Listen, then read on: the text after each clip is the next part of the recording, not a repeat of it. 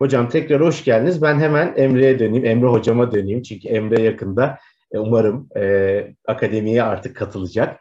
Emre ile aynı üniversitedeyiz, Kadir Has Üniversitesi'nde. E, benim gibi şu anda doktor öğrencisi ama artık doktor adayı, e, mezun olmak üzere, tezini bitirmek üzere. E, Emre aynı zamanda Övünç hocamızın da öğrencisi. Eski öğrencisi demek istemem, daimi bir aslında sıfat olduğu için e, Övünç, e, Övünç hocamızla beraber çalışmışlardı. Emre'yi de kısaca tanıtayım. E, e, Övünç hocamızla beraber e, kaleme aldıkları Oryantalizm, disipline eleştirel pedagojik bir bakış e, isimli makale Uluslararası İlişkiler Dergisi tarafından yayınlanmıştı ve ben çok istifade ettiğim bir yayındı bu. Dolayısıyla onu da herkese önermiş olalım bu vesileyle. E, aynı zamanda Emre'nin e, yayınlanmış ve hali hazırda spoiler vermiş gibi olmayalım ama yayına hazır bekleyen birkaç makalesi de var, kitap incelemesi var. Emre iyi ki geldin. Çok teşekkür ediyoruz. Davetimizi kırmadın. Hoş geldin. Teşekkür ederim. Sağ olasın. E, dilerseniz katılımcılarımızı bekletmeden hemen soru cevaba geçelim hocalarım ve e, sonrasında katılımcılarımızla e, soru cevap yapıyor olacağız bir yarım saat kadarıyla. E, orada da zaten hem sözlü hem e, yazılı olarak söz almak isterseniz her zaman dahil olabilirsiniz diyelim konuşmaya. E, sonunda da zaten Emre hocamızın hazırladığı küçük bir öneri okuma listesi var aynı zamanda. Onu da sizlerle paylaşıyor olacağız. Bu kadar hatırlatmaya yeter bir hemen dilerseniz sorulara başlayalım. Övünç Hocam, e, sizle başlamak isterim. Biraz jenerik bir soru olarak sizle de düşünmüştük, planlamıştık ama e, sizin Bourdieu ile tanışmanızı aslında merak ediyorum aslında ikinizin de. Yani Bourdieu'nun çalışmalarına ilginiz nasıl başladı ve çalışmalarından nasıl faydalandınız? E, gerek tezinizde gerek şu anki çalışmalarında e, çalışmalarınızda Bourdieu'yu nasıl kullanıyorsunuz? E, bunu ikinizden de sırayla dinlemek isterim hocam. Övünç Hocam buyurun. Tabii ki. Tekrar teşekkür ederim. Ee, burada sizlerle olmak, Emre ile birlikte olmak benim için de çok büyük keyif. Ve e, umarım istediğimiz gibi bir e, süreç geçecektir. E, Bourdieu ile nasıl tanıştım?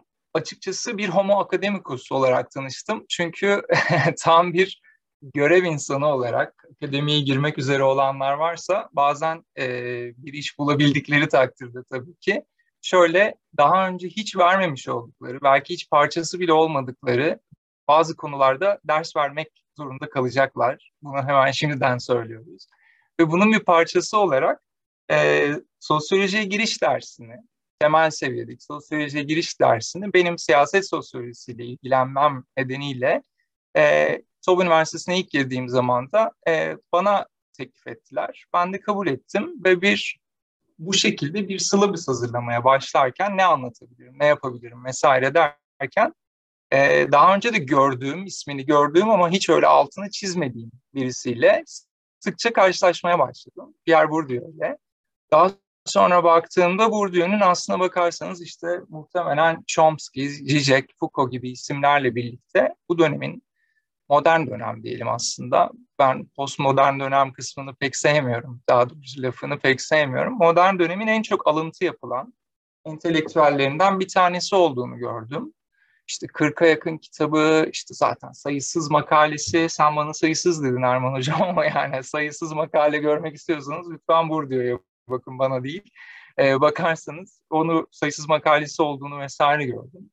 Ve dahası benim de işte ilgimi çeken tüketim gibi günlük siyaset daha doğrusu gündelik hayattaki siyasi pratikler gibi konularda aslında hiç de atlamamam gereken bir ismi atlamış olduğumu fark ettim. Orada okumaya başladım. İşte ayrım o zamanlar Türkçesi yoktu. Şimdi iyi bir Türkçesi var. Heretik yayınları çok iyi bir e, Ankara bazı bir yayın evi olarak çok iyi bir iş çıkartıyor bana sorarsanız. Naçizane fikrim öyle daha doğrusu.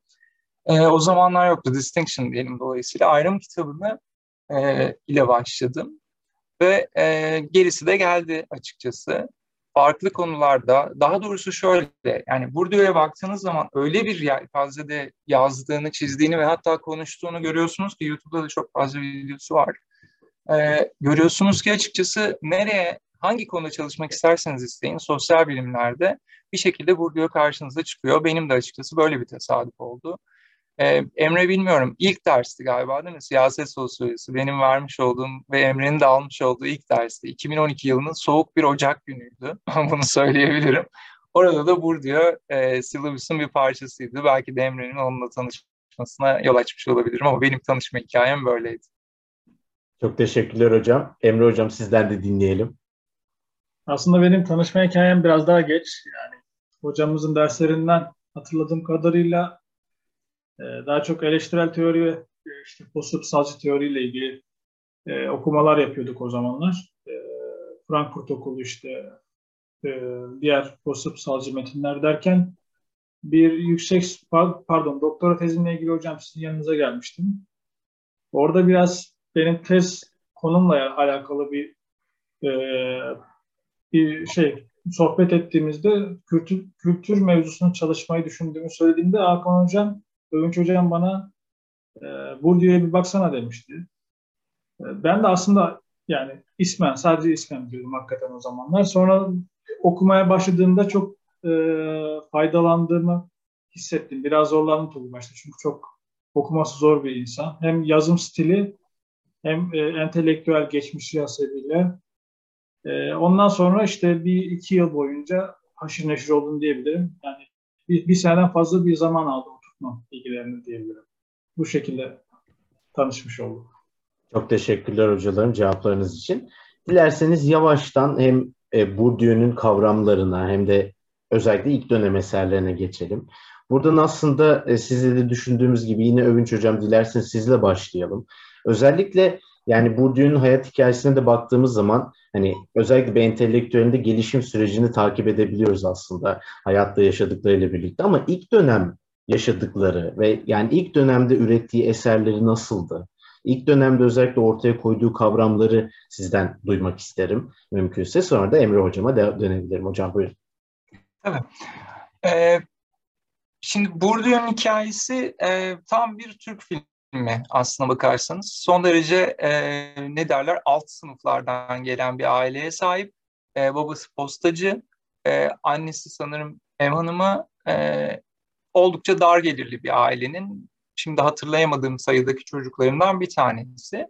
Ama bir şansı var, bir çeşit dahi olduğu küçük yaşlardan belli ediliyor öyle veya böyle ve tabii ki hemen hemen herkesin bildiği gibi en azından ismen aşina olduğu gibi Fransa'nın o süper lisesine, École Normale Supérieure e, bir şekilde girme e, fırsatı buluyor. Açıkçası çok kritik bir nokta, biyografik bir nokta olmasına rağmen çok kritik bir nokta. Çünkü belki de bütün Bourdieu külliyatı ben nasıl buraya geldim sorusu üzerine kurulu. Yani nasıl oldu da işte bir postacının çocuğu dünyanın en çok atıf alan insanlarından biri haline geldi sorusuyla e, gündeme geldi. Geçen günlerde bir tweet hatta e, belki şey olmuştur, görenleriniz de vardır. İşte galiba Ankara Üniversitesi'nden bir hoca şey yazmış. Eğer aileniz sınıfınızda bir üniversite, daha doğrusu ailenizde bir üniversite mezunu yoksa siz bir üniversite mezunu sayılmazsınız gibi bir büyük perdeden gelen bir şey. Ben de ona burada öyle yanıt vermiştim. Ee, Emre ile aynı sınıfta olan, o dönemde e, benim öğrencim olan Ömer Faruk Topal da şimdi Princeton Üniversitesi'nden anneannesinin okuma yazma bilmediğini söyleyerek olaya dahil olmuştu. Dolayısıyla e, bu sorunsal hala bitmeyen bir sorunsal. Yani Bourdieu'dan çok çok yıllar sonra bir de açıkçası hani sınıfınız neyse siz acaba ondan çıkabilir misiniz? Toplumsal tabakanın dışarısı dışında yer alabilecek bir yere geçebilir misiniz? Yani bir başka deyişle toplumsal mobilite mümkün mü sorusunun yanıtını e, bütün Bourdieu külliyatında görüyoruz. Bu ilk eserlerinde de var, en son eserlerinde de var. E, aslında Bourdieu bildiğim kadarıyla fotoğraf sanatçılığına da çok meraklı birisi. Fotoğraf çekmeye de çok meraklı birisi. Ve o dönemki belki de arkadaşlarının Cezayir kökeni kökenli olması ya da hocalarının diyelim işte Althusser'inden tutun Derrida'sına vesairesine kadar o coğrafyada e, tabii Fransa'nın da Cezayir'le e, ilişkisi tek taraflı ilişkisi diyelim malum. E, o bir çeşit egzotik belki oryantalist bir şimdiden spoiler olacak ama habitusla e, bir takım fotoğraflar çekmek, bir takım e, incelemeler yapmak üzere e, hayalini geliştirmiş ve işte hep o soruya yanıt aramış. Ben neredeyim, ne yapıyorum ve nasıl yapabiliyorum? Gerçekten bu nasıl oluyor tarzında. Bu kendine hayranlık, narsizm vesaire değil. Sadece bir sorgulama biçimi ve bu da aslına bakarsanız bir sorgulama biçimi de. Yani kendine dönük soruları sorma biçimi de Bourdieu sosyolojisinin tamamen temelinde yer alıyor. Hatta adını da verelim. Reflexivity olarak, kendine dönüşlülük olarak. Çok kötü bir Türkçesi var. O yüzden ben kendine dönüşlülük olarak kullanacağım. Ee, kendine dönüşlülük olarak gösteriyor. Tam bu noktada kendime dönüp bir şey söylemek istiyorum. Hatta izin verirse Emre'yi de dahil ederek söylemek istiyorum. Ee, biz bir sosyolog değiliz. Dolayısıyla bizim Bourdieu'ya bakış açımız siyaset sosyolojisi perspektifinden, belki bir parça kültürel perspektiften olacak. Ee, sosyoloji özellikle Türkiye'de çok kapalı ve kendi içine çok dönük bir e, ne diyelim disiplin. Dolayısıyla hani onların e, ayaklarının üstüne basma gibi bir niyetimiz asla yok. Böyle bir şey hiç yani haddimize de değil. Sadece dediğimiz gibi biz biraz daha siyaset e, özür dilerim sosyoloji perspektifinden olaya baktığımızın da altını çizelim ve böyle bir refleksif kendine dönüşlülük yapalım. E, bu temel perspektif üzerinden, meta perspektif üzerinden aslına bakarsanız Bourdieu'nun o dönem Fransa entelektüel camiasında en genel geçer soruya da bir yanıt vermeye çalıştığını görüyoruz. Nedir bu soru? Herkesin bildiği, en azından sosyal bilimlerle ilgilenen herkesin bildiği klasik soru. Agent structure problem ya da basitçe Türkçeleştirirseniz aktör yapı e, meselesiyle ilgili bir derdi var. Ve bu derdini de neden sadece aktöre odaklanmalıyım? Neden sadece yapıya odaklanmalıyım? Neden bu ikisini bir araya getirip aralarında bir başka spoiler bir ilişkisellik, relationality kuramıyorum sorusu üzerinden kendine dönüşlü bir biçimde yanıtlamaya başladığını görüyoruz. Bunun herhangi bir olayın, herhangi bir sosyal aktivitenin ya da eylemin diyelim, pratik diyelim hatta ki Bourdieu'ya daha fazla referans verelim. Herhangi bir sosyal eylemin nereden başladığı yerine nasıl devam ettiği ya da nasıl yeniden üretile geldiği, nasıl normalize olduğu, nasıl rutin hale geldiği, nasıl bir müddet sonra e, bu zaten olağan ki böyle yapmam gayet normal ki haline dönüştüğüne dair bir düşüncenin e, Bourdieu'nun temel perspektifini oluşturduğunu görüyoruz. E, temel olarak da şu soruyu soruyor. Yani bu kadar toplumsal, bu kadar karışık bir toplumsal ağ içerisinde yer alıyoruz. Her dakika e, ne diyelim bizden beklem, beklemedik ya da işte karşımızdaki kişiden beklenmedik bir sinyal alıyoruz. Ama yine de bir uzaylı olsa ve tepeden bakıp bize, e, tepeye yükselip bize baksa çok da karmaşık olmayan, açıkçası çok da tahmin edilebilir olan hareketlerde bulunuyoruz. İçine girdiğimizde karışık, dışına çıktığımızda bu kadar tahmin edilebilir şeyler nasıl oluyor da bir örüntü halinde, bir patern halinde aslında sosyal olanı yani the social'ı önceden de tahmin edilebilir ve dolayısıyla da araştırılabilir hale getiriyor diye soruyor. İşte bu yüzden de Bourdieu felsefi olandan ayrılıp daha ampirik, daha elle tutulabilir, daha pozitivist demeyeceğim, pozitivist değil ama daha elle tutulabilir bir araştırmanın içerisine yer alabileceğini söylüyor. Ve bu durumda da aslında Bourdieu bize bir teoriden ziyade, ziyade demeyeyim ama teorinin yanında diyelim, açıkçası bir metot sunuyor. Tıpkı bilenler çok daha iyi bileceklerdir post yapısalcı yaklaşımlarda olduğu gibi. Onları tek bir model olarak, tek bir teori olarak görmek yerine aslında bilgiye ulaşmanın bir çeşit metodu, bir yöntemi olarak ele almak, Bourdieu'yu da bu şekilde, bu kapsamda değerlendirmek bana göre daha mantıklı olacaktır. Bu aşamada Emre'ye e, devam edelim ama şunu da belirtmek isterim. Benden ders alanlar bunu duymaktan bıkmış vaziyetteler ama bir kez daha tekrarlayayım. Hadi fazla mal göz çıkarmaz diyelim. Türkçenin azizliği nedeniyle ve bizim gündelik dilde e, kullandığımız kavramlar birbirine girdiği için Türkiye'de sistemle yapı kavramları birbirine çok karışıyor. Ve bir türlü de anlaşılmadığını görüyoruz. Hatta bana bıraksalar ben bütün doktora e, tez izleme komitesi öncesindeki yeterlik sınavlarında e, yapı nedir diye sorarım ama yapmıyorum bunu. Onu söyleyeyim. E, yapı nedir diye soruyorum. Çünkü yapının ne olduğu gerçekten bilinmiyor. Aslında çok basit bir mantıkla bunu basit bir örneğe oturtursak anlaşılmayacak bir şey yok. Sistem dediğiniz şey bir futbol oyunu gibi düşünün. Bunun bir çeşit aktörleri var değil mi? Oyuncular da bunun bir aktörü, hakemler de bunun aktörü, işte seyirciler de, ne bileyim takım başkanları da, sahipleri de bunların aktörü. Hatta top, çizgiler vesaireler de bunların aktörü. Ama bunları bir araya, daha doğrusu bunları oldukları yere bıraktığınız anda bu oyunun adı futbol olmuyor. Çünkü bu oyunun bir çeşit kurala ihtiyacı var. Ya da yere düşen oyuncuyu kaldırma normuna ihtiyacı var. Yazılı olmayan kurala ihtiyacı var. Ya da benim gol atmam lazım diye kodlanmaya ihtiyacı var. İşte bu kuralların normlara ve kodlara yapı adını veriyoruz. Bunların herhangi birini değiştirdiğiniz takdirde aktörlerin davranışları da değişiyor. Çok basit bir şey, boğmak istemem ama futbolda offside kuralını kaldırırsanız bütün aktörlerin davranışı değişir. Aynı şekilde bütün aktörleri Messi yaparsanız bu sefer farklı kurallara da ihtiyacınız olur. Dolayısıyla aktör de yapıyı etkiler, yapı da aktörü etkiler. Hadi kötü bir şey söylemiyorum ama bütün oyuncuların Messi olduğunu düşünün. Bir de bütün oyuncuların Sabri olduğunu düşünün. İkisi arasında çok ciddi bir fark olacaktır o ortaya çıkan oyun için. Değil mi? Bu açıdan aktörle yapı arasındaki bu ilişkiyi anlamak Bourdieu'nun temel derdi ve buradan sonra gelecek bütün kavramlar, işte habitusudur, alanıdır, işte ne bileyim diğer kavramlardır, beğenidir vesaire. Bütün bunlar açıkçası bu ikisi arasındaki ilişkiyi nasıl düzenlen, daha doğrusu ilişkinin nasıl düzenlendiği ve tepeden baktığımızda bunları nasıl kavramsallaştırabileceğimizle alakalı diyebilirim. Böyle bir Teşekkürler hocam. Çok kapsamlı bir cevap oldu. Hem örneklerle de aslında daha somutlaştı. Emre e, seninle devam edelim istersen. Ben de buna binaen işte habitus kavramına biraz giriş yapayım. Ee, yani bilindiği üzere işte bu agent structure yani fail e, eyleyen yapı ikilemi zaten sosyal bilimlerin temel e, bu kör düğümlerinden bir tanesi aslında. Bu şeyinden 1900'lü yıllardan beri böyle bir şey. E, fakat e, ilginç bir şekilde Anthony Giddens'la anılıyor. Ama e, literatüre baktığımızda Bourdieu'nun bu işi çoktan belki 20 sene önce daha önceden çözdüğünü görebiliyoruz.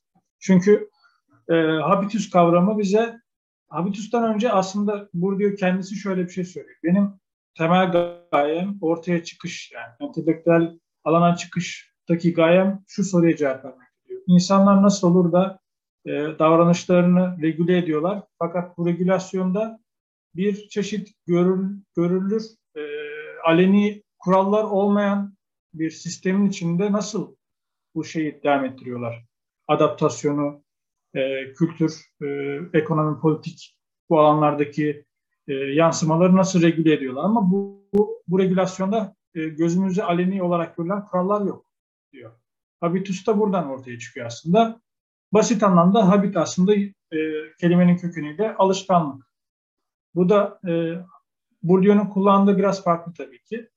Alışkanlıktan ziyade kişinin hem bilinçli hem de bilinçsiz olarak taşıdığı yatkınlık var. Dispositions diyor, transposum. Yani zamana dayalı olan, her gün veya sıklıkla yaptığımız alışkanlıklar. Fakat bu alışkanlıklar e, belli bir süreden sonra artık rutine, rutin dediğimiz şey geçtikten sonra e, rasyonel olmaktan çıkıyor. İnsanın e, günlük hayatında embed yani gömülü hale bu kavramla da aslında habitus ortaya çıkıyor diyebiliriz. Habitusun nasıl ortaya çıktığıyla da ilgili bilgiye vereyim. Hem de Bourdieu'nun e, entelektüel e, arka planının gelişimiyle ilgili.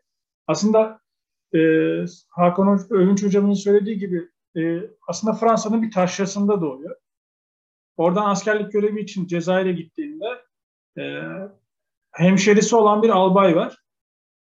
Albay bunu e, yanına alıyor ve buna hamisi oluyor aslında. Orada da çeşitli araştırmalar yapmasını sağlıyor.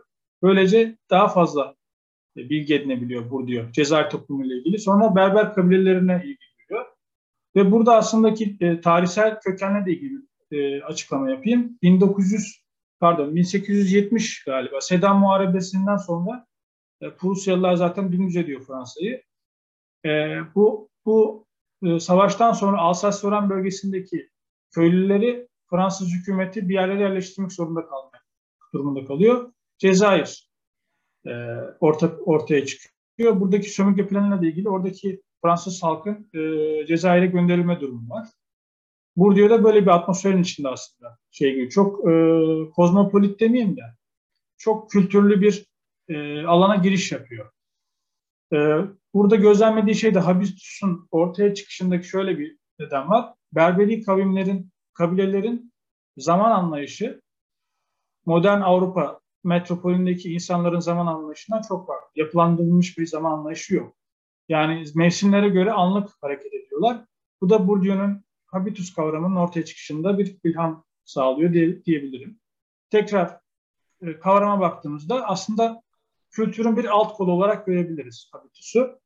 Bir diğer önemli kavram olan alan kavramıyla birlikte düşünülmesi gerekiyor. Yoksa yani tekil düşündüğümüzde hiçbir anlamı kalmıyor. Çünkü o yüzden hocama bırakayım. Field yani işte Le Champ kavramını devam edip tekrar ben e, müsaade alayım. Tamam. Ee, Emre'nin söylediği gibi habitus aslında yatkınlık demek. Yani disposition, bizim yatkın olduğumuz, yapmaya yatkın olduğumuz ya da pratiğe dökmeye yatkın olduğumuz eylem. Ama sadece eylem olarak değil, e, düşünce, zihniyet biçimi olarak da düşünebilirsiniz. Pierre Bourdieu'nun değil ama onu e, anlatan birinin nefis bir şeyi var, örneği var habitus'u anlamakla ilgili. Onu ben vermek isterim. Habitus diyor el yazısı gibidir. Herkes de farklıdır. Ama üslup herkes de aynıdır. Aynı harfleri kullanırsınız. Yazdığınızı bilirsiniz değil mi? Hani hepimiz bir hayranlık duyuyoruz eczacının korkunç bir el yazısını okumasına doktorun. Ama bir müddet sonra aslında eczacılıkta ya da ne bileyim orada bir yerde çırak olarak çalışsın siz de bir anda okumaya başlarsınız. E size korkunç gelebilecek bir şey aslında öyle bir ortak üsluba sahiptir ki bunu herkes bilir. Ama baktığınızda işte el yazısı uzmanları vesaire ayrı düşünün. Herkesin kendine ayırt edici bir el yazısı olduğunu görürsünüz. İşte habitus tam anlamıyla bu. Bir yandan öznenin, aktörün diyelim, öznelliğiyle alakalı bir şeydir. Yani kendisinden olanla alakalı. Tamamen subjective bir şeydir İngilizce söylemek gerekirse. Bir yandan da okullarda öğretilen bir yazı türü olduğuna göre, harfleri de hepimiz aynı kullandığımıza, kelimeleri de aynı kullandığımıza göre o zaman aynı zamanda da yapının nesnelliği içerisindeki bir durumdur. Yani her ikisinden de beslenir. Siz gibi yazarsınız ama aslında size öğretildiğini yazarsınız. Yani burada işte yapı ile aktör arasındaki ilişki, offside ile futbolcu arasındaki ilişki gibi ortaya çıkmaya başlar. Bu habitustur. Şimdi bazı örnekler var habitusa aslında tam olarak doğru değil. Emre'nin de söylediği gibi habitus alışkanlık değil. Yani sabah uyandığınızda yaptığınız şeyler çoğunlukla bilinçsizdir mesela. Irving Goffman bununla ilgili teoriyi yazmıştır gündelik hayatın sosyolojisinde. Habitus bunları aslında tam olarak kapsamaz. Daha doğrusu bunların fazlasını kapsar. Yani işte sabah kalkarsınız, yüzünüzü yıkarsınız, uyanır kahvaltı edersiniz. Bu bir rutindir. Ama bu rutin tam olarak öğrenilmiş bir şeyden ziyade daha çok alışkanlık geliştirdiğiniz bir şeydir. Ama esas habitus nedir biliyor musunuz? Mesela oy vermektir. Ben bazen öğrencilere finalde bunu soruyorum. Tek bir soru. Neden oy veriyorsunuz? Kime oy veriyorsunuz diye sormuyorum. Neden oy veriyorsunuz diye soruyorum. Onlar bana hangi partiye oy verdiklerini söylüyorlar.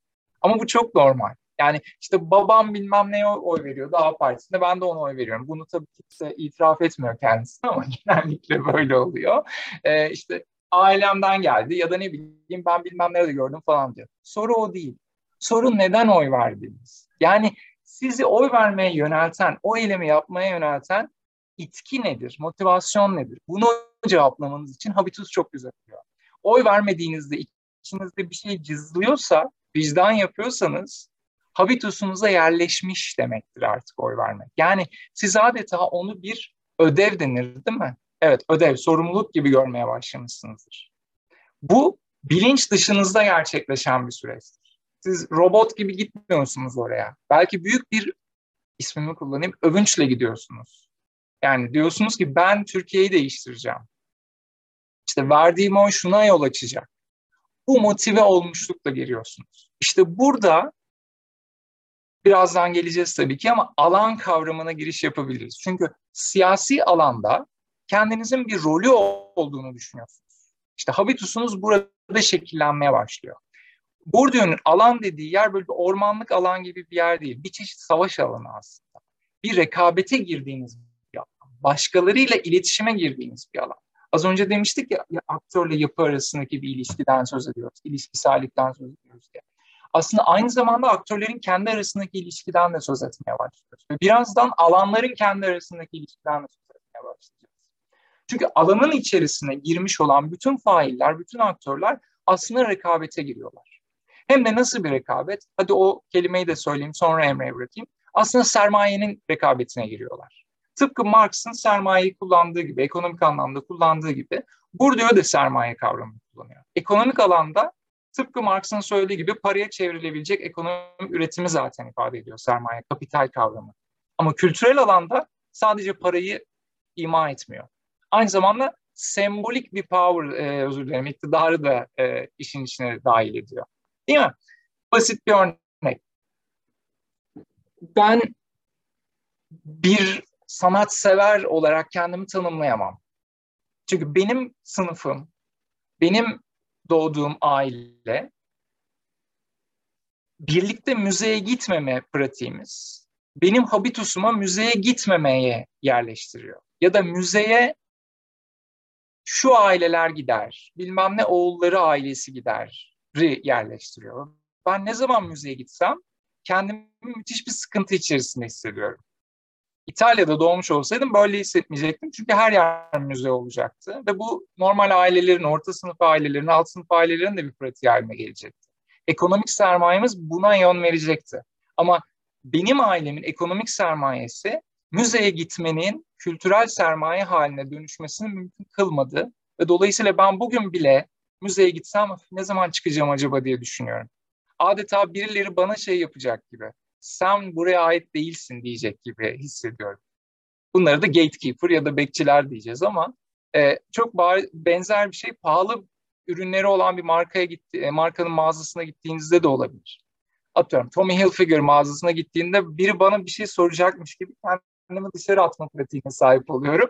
Ve bu benim habitusuma yerleşmemiş olmasından kaynaklanıyor. Ya da ben de atıyorum var mı öyle bir mağaza ondan bile haberim yok ama Ferrari mağazasına gitsem muhtemelen kapıdan içeri giremem. Bilinç dışında ger gerçekleştirmiyorum bakın bunu. Kesinlikle korkuyorum. Girmek istemiyorum. Olabilecekleri biliyorum. Sen niye buradasın adam diyerek benim hoş karşılanmayacağımı biliyorum.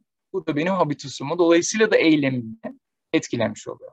Alanda sahip olduğum ekonomik alanda ya da kültürel alanda ya da sanatsal alanda ya da siyaset alanında sahip olmuş olduğum sermaye benim davranışlarımı etkilemeye başlıyor. Bu da habitus, alan ve sermaye. Üç temel kavram arasındaki ilişkiyi göstermiş oluyor. Evet Emre. Çok teşekkür ederim hocam.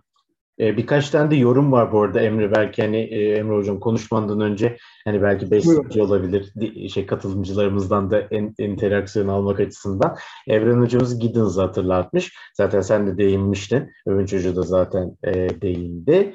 E, Evsen Aslan e, dolayısıyla habitus bir kader değildir. Herkes habitus ile doğmaz ama herkesin bir habitusu vardır demiş. E, Didem hocamız e, benim için opera sıkıntılı demiş Övünç hocamızın yorumlarına örnek olarak. E, ve e, Reza Paşa isimli katılımcımız da e, Doğu'nun ilk operası Azerbaycan'da yazıldı. Oradan başlamak gerekiyor diye bir hatırlatma yapmış. E, bunun dışında Hilal Tak, e, Takçı Kılınç e, da balığın içinde yaşadığı akvaryumu fark etmemesi e, gibi aktörler de habitusun farkında değildir gibi katkıda bulunmuş. E, Emre Hocam dilersen Allah'ın kavramından devam edebiliriz bu yorumlarla birlikte. Arada bir şey söyleyebilir miyim ben de? Bu operayla ilgili e, örnek verilince ben mesela e, özür dilerim Didem Hocam e, herhalde 15-16 yaşından beri dinlediğim benim iki şey var. Biri metal müzik, tabii artık tiksindiğim Metallica. E, o zamanlar çok dinlerdim, çok severdim ama onunla birlikte mesela klasik müzik ben. 15-16 yaşından beri çok severek dinlerim. Çünkü benim abim dinlerdi, dayım dinlerdi. Ee, ben de mesela şey, e, A torunuyum. Eskiden böyle onlar şey varmış tabii ki. Onların böyle kültürel sermayesi yok ama e, babam güzel şeyler dinlerdi. Abim, amcam, dayım güzel şeyler dinlerdi falan filan. Muhtemelen onların da etkileri bilmem ne. Ben her şeyi dinleyemiyorum. Ee, arkadaşlarım da çok garip gelse de ben Tokat'ta büyüdüm. Ondan sonra düşünsenize Tokat'ta 14-15 yaşında kimseyle sosyalleşemezsiniz. Pavarotti dinlersiniz veya Mozart dinlersiniz. Bilmem Yine size küfreder. Ondan sonra dolayısıyla e, habitusu bu anlamda şey anlamda söylüyorum veya sermaye tiplerini Bourdieu'nun farklılaştırmasını bu anlamda seviyorum. Sadece maddi anlamda değil. Şimdi benim e, dedelerim evet A çocuğuymuş veya işte belli benim şeyler falan filan var ama bana bir şey yok. Benim zamanımda kalmamış. Tamam mı? Ama bir şeylerden hala bir kültürel sermaye kalmış. Ben artık genetik mi nedir bilmiyorum ama oralardan seviyorum, dinliyorum. Ee, evde oturursam mesela dün şey dinliyordum. Ee, Bach'ın kahve kantatası. Benim için en, enfes bir şey. Ama mesela bunlarla başka şeylerle sosyalleşemiyorum. Dolayısıyla bu işte, e, Bourdieu ile az buçuk iletişimimde fark ettiğim şey şu oldu. Ekonomik sermaye ile kültürel sermaye veya diğer sermaye tiplerini farklılaştırması. Gerçekten pratikte o kadar çok e, yeri var ki bunların. E, şimdi Didem Hoca ile söyleyince, e, bunu söyleyince, e, aa evet doğru. yani gerçekten gündelik hayatta kimisi şey yapamıyor, tahammül dahi edemiyor. Bense genellikle onu dinliyorum. Çok teşekkürler Evren Hocam katkılarınız için. Zaten e, soru cevapta da özellikle katkılarınızı bekliyor olacağız. E, diyelim Emre Hocam'a döneyim hemen. Emre Hocam özellikle yani tezinle ilgili de biraz düşünmüştük hazırlanırken aslında postkolonyal teoriyle ilgili de aslında pek çok okuma yaptığın için tezinde de kullandığın için dilersen hani alan kavramı ile birlikte nasıl düşünebiliriz? Postkolonyal teoriyle nasıl bağ kurabiliriz? Sözü sana bırak. Teşekkür ederim. Yani şöyle bir şey söyleyeyim. Aslında hocam kültürel sermaye işte sembolik e, meşruiyete değindi. Burada aslında bir katkı olsun e, ilerlemesi adına. E, fail yapı, e, agent structure debate'den de ziyade aslında bir şöyle bir ikilik var bu diyorun anlayışında. Öznel, e, öznellik ve nesnellik arasında da bir denge kurmaya çalışıyor diyor. Yani e, ikiye ayırdığımız sosyal, sosyal teori ikiye ayrılıyor bu. Yani metodolojik e, individualism denen tekilcilikle yapısalcılık arasında bir denge sağlıyor bu diyor. Burada da zaten üç isim bildiğiniz üzere. Karl Marx, e, Max Weber ve Emil Durkheim'in bir kombinasyon aslında. Hepsinin eksiklerini kapatan bir orta merkezdeki bir e, vektörel bir kuvvet gibi düşünün bu diyor. Emil Durkheim'le mesela şöyle benzeşiyor. E, toplumsal olayları anlamak için bireylerin e, günlük yaşamındaki pratiklerinden ziyade daha büyük yapısal sorunlara bakmamız lazım diyor. Durkheim buradan etkileniyor bu diyor.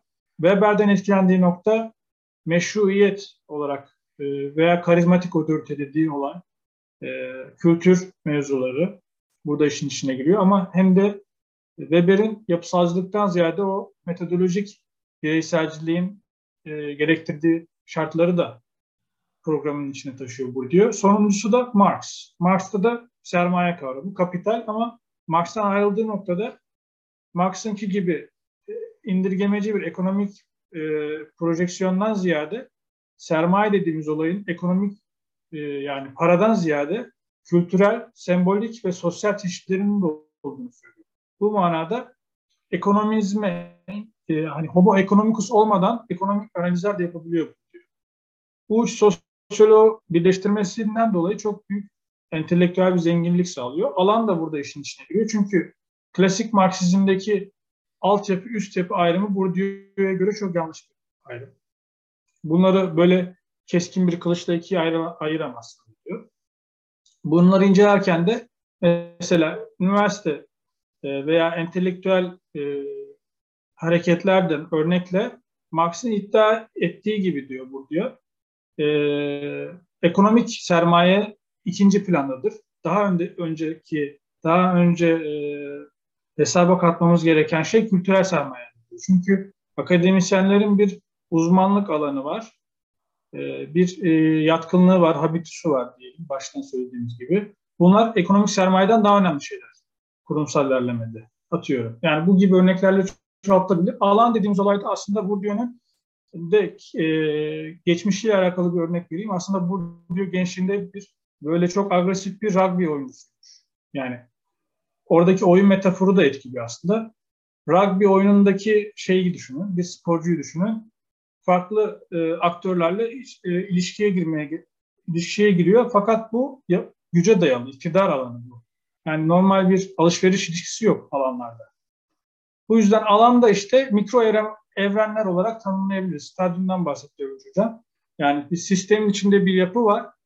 Bu yapının içinde de farklı farklı alanlar var. E, ekonomi mesela, e, ekonomik alanlar farklı. E, farklı farklı şeyler söyleyebiliriz burada. Yani vektörel kuvvetlerden bahsediyoruz. Alanlar bir savaş alanı aslında. Battle zone diye geçiyor. Battlefield diye geçebiliyor. Bu manada ayrıca alan kavramının e, artısı şu Bourdieu açısından. O başta bahsettiğim öznellik ve nesnellik arasındaki dengenin nesnelliğe yani yapıya doğru kayan tarafında alana ihtiyaç duyuyoruz. Çünkü hangi olayın nerede cereyan ettiği spesifik olarak ortaya konulmalı. Bu manada kendisi zaten konsepsallılıktan da ayrılıyor. Çünkü olayları nesnel olarak söylemin dışında inceleyebildiğimiz somut göstergelere ihtiyacımız var diyor. Bu manada e, bilime ve e, nesnel verilere, ampirik, ampirik verilere de önem verdiği için belki konsepsalcı teorinin eksiklerini de kapatıyor diye, diye, diyebiliriz. Sözü Övünç Hocam'a bırakayım. Alanlarla ilgili devam edelim. Aslında şöyle çok da e, daha da hani çok fazla uzatmadan ya da bu bir lecture hale getirmeden şöyle toparlayalım isterseniz. Emre'nin söz ettiği gibi alan dediğiniz şeyin incelenmesi için aslında birkaç bir şey lazım. Birincisi tabii ki aktörlerin birbirleriyle ilişkisi ve tabii bu aktörlerin özellikle sermayelerinin niteliği lazım. Tam olarak da bu üç e, sosyolojinin babasına referans vererek ekonomik sermaye yani üç şimdi şöyle söyleyeyim. Toplumsal olarak yaptığınız her şeyin sermayesi var. Az önce Evren Hoca söyledi ya yani metal müzik dinlemenin de sermayesi var. Acayip derecede e, spesifik bir örnek olmasına rağmen klasik müzik dinlemenin de sermayesi var. Ne kadar fazla grup biliyorsanız o kadar yüksek bir metal müzik dinleme sermayesine sahip oluyorsunuz mesela. Veya işte ne kadar fazla e, klasik müzik kompozitörü biliyorsanız o kadar fazlaya sahip oluyorsunuz. Ama temel anlamda üç temel başlık var. Emre'nin söylediğini sadece toparlamaya çalışarak e, ifade ediyorum. Birincisi Marx'ın söylediği de ekonomik. Bu doğrudan parayı çevrilebilir, mülkiyetle alakalı bir şey. İkincisi e, kültürel sermaye. Bu kültürel sermaye e, her zaman paraya çevrilemez ama çoğunlukla parayla alakalıdır. Çünkü temelini oradan alır. İşte eğitim durumunuz mesela bir örnek olarak gelebilir. Üçüncüsü sosyal sermaye. Bu e, bir grup ya daha doğrusu bir toplum içerisindeki e, hadi kibarca söyleyelim network'ünüzle alakalı bir şeydir. Yani network'ü siz de inşa edebilirsiniz veya içine de düşebilirsiniz. Hani ben hiç anlamam bazı CV'leri doldururken herhangi bir gruba ya da ne bileyim organizasyona üye misin diye yazılır. Bu tam olarak sosyal sermayenin göstergesidir aslında. Yani referans mektupları alınır. Kimin çevresi, kimin network ağı içerisindesinin aslında cevabıdır o. Ve bu bizi, o sizin sosyal sermayenizi gösterir. Alan da bu sermayelerin biriktiği yerdir ya da birbirleriyle karşılaştığı yerdir diyelim. Yine oyun metaforuna gidersek ya da savaş metaforuna gidersek, battlefield metaforuna gidersek. Siz orada pozisyonunuzu öğrenirsiniz basitçe. Reflexivity yani kendine dönüşlülük teorinin bu kısmı burada görülür. Ee, insanlar beni en çok şu tip insanlar rahatsız eder mesela hayatta alandaki yerini bilememiş insanlar, farkına varamamış insanlar rahatsız eder. Yani bu yerini bil komutuna uymadıkları için değil. Sadece toplumsal yaşamdaki pozisyonlarının farkında olmadıkları, kendine dönüşlü bir hayat yaşamadıkları için beni rahatsız eder. Yani yoksa işte hani deriz ya sonradan görme. Tam olarak habitusuyla sermayesi uyuşmayan insana sonradan görme denir aslına bakarsanız. Ya da neyse kaydediliyor. Şimdi örnek vermeyeyim ama hani bazı zenginlerin e, ya bu herifin de yani bu yaşadığı hayat bu hayatın hiç adaleti yok ya falan dediğiniz şeyler aslında habitusla sermayenin uyuşmadığı ve sizin de kendinize dönük yaşadığınızın göstergesi bir noktadır bu anlamda. Alan dediğim gibi bu anlamda e, bütün bu toplumsal yaşayışın bir parçasıdır. Ama burada önemli olan ve Emre'ye ek olarak göstereceğim şey şu, bu alanların hepsi birbirine değer. Hani ortaokulda, lisede neyse çizdiğiniz kümeler vardır ya kesişim kümeleri. Bütün alanlar birbirine değiyor. Ve dahası Bourdieu'ya göre bütün bu alanları da kapsayan bir başka alan var. Meta alan deyin isterseniz, şemsiye alan deyin. O da iktidar alanı. Power. Field of Power'dan söz ediyor. Ben onu güç diye çevirmeyi sevmiyorum çünkü güç çok spesifik bir şey. O fiziksel bir şey gibi geliyor. Güç değil iktidar. Tıpkı Gramsci'deki gibi Bourdieu'da da e, iktidarın tek bir boyutu yoktur. Güç, zor boyutu yoktur. Aynı zamanda rıza boyutu da vardır. Habitus bu rıza boyutunu oluşturur tam olarak. Yani siz ikna edilmeyi beklemeden zaten Gramsci'den Bourdieu'nun farkı budur. İyi bir doktor yeterlik sorusu olabilir. E, siz ikna edilmeyi beklemeden ya da o kurumlara ekstra ihtiyaç duymadan zaten hayatınıza ikna edilmiş vaziyette. Kendi hayatınızı normal kabul etmiş vaziyette. Ya da işte nedir? Var olan hayatların en iyisi miydi? Nasıl ne diyordu Churchill bir şey diyordu onun gibi bir şey. Yani var olan alternatifler içerisindeki en iyi hayatı sürdüğünüzü düşünerek hareket edersiniz. Ekstra rıza aracına ihtiyaç yoktur. Çünkü siz zaten hayatınızda bir rıza aracı olarak cisimleşmiş, Emre'nin söylediği gibi gömülmüş bir rıza aracı olarak devam edersiniz. Bu anlamda bütün alanlar birbirine değer ama en tepede iktidar alanı yer. Burada da zaten Bourdieu'nun siyaset sosyolojisi başlıyor. Ve siyaset sosyolojisinde aslında görece sofistike olmayan bir siyaset sosyolojisi var. Çünkü mesela hükümet ve devlet arasında bir farkı bile gözetmez Bourdieu teknik olarak. Hiç yani böyle bir yazısı yoktur. Ee, aynı şeydir ona göre. Ve bir aktör de değildir. Daha çok bütün o siyasetle ilgili aklınıza gelebilecek her şeyin, meclis, bürokrasi, siyasetçiler, oy verenler falan bütün bunların biriktiği bir çöplük gibidir siyaset onun için. Devlet de aynı şekilde ya da hükümet de böyledir. Buradaki önemli olan şey buradaki herkesin, bütün aktörlerin sanki kendisine dair bir görev varmış. Az önce söylemiştim de neden oy veriyorsunuz?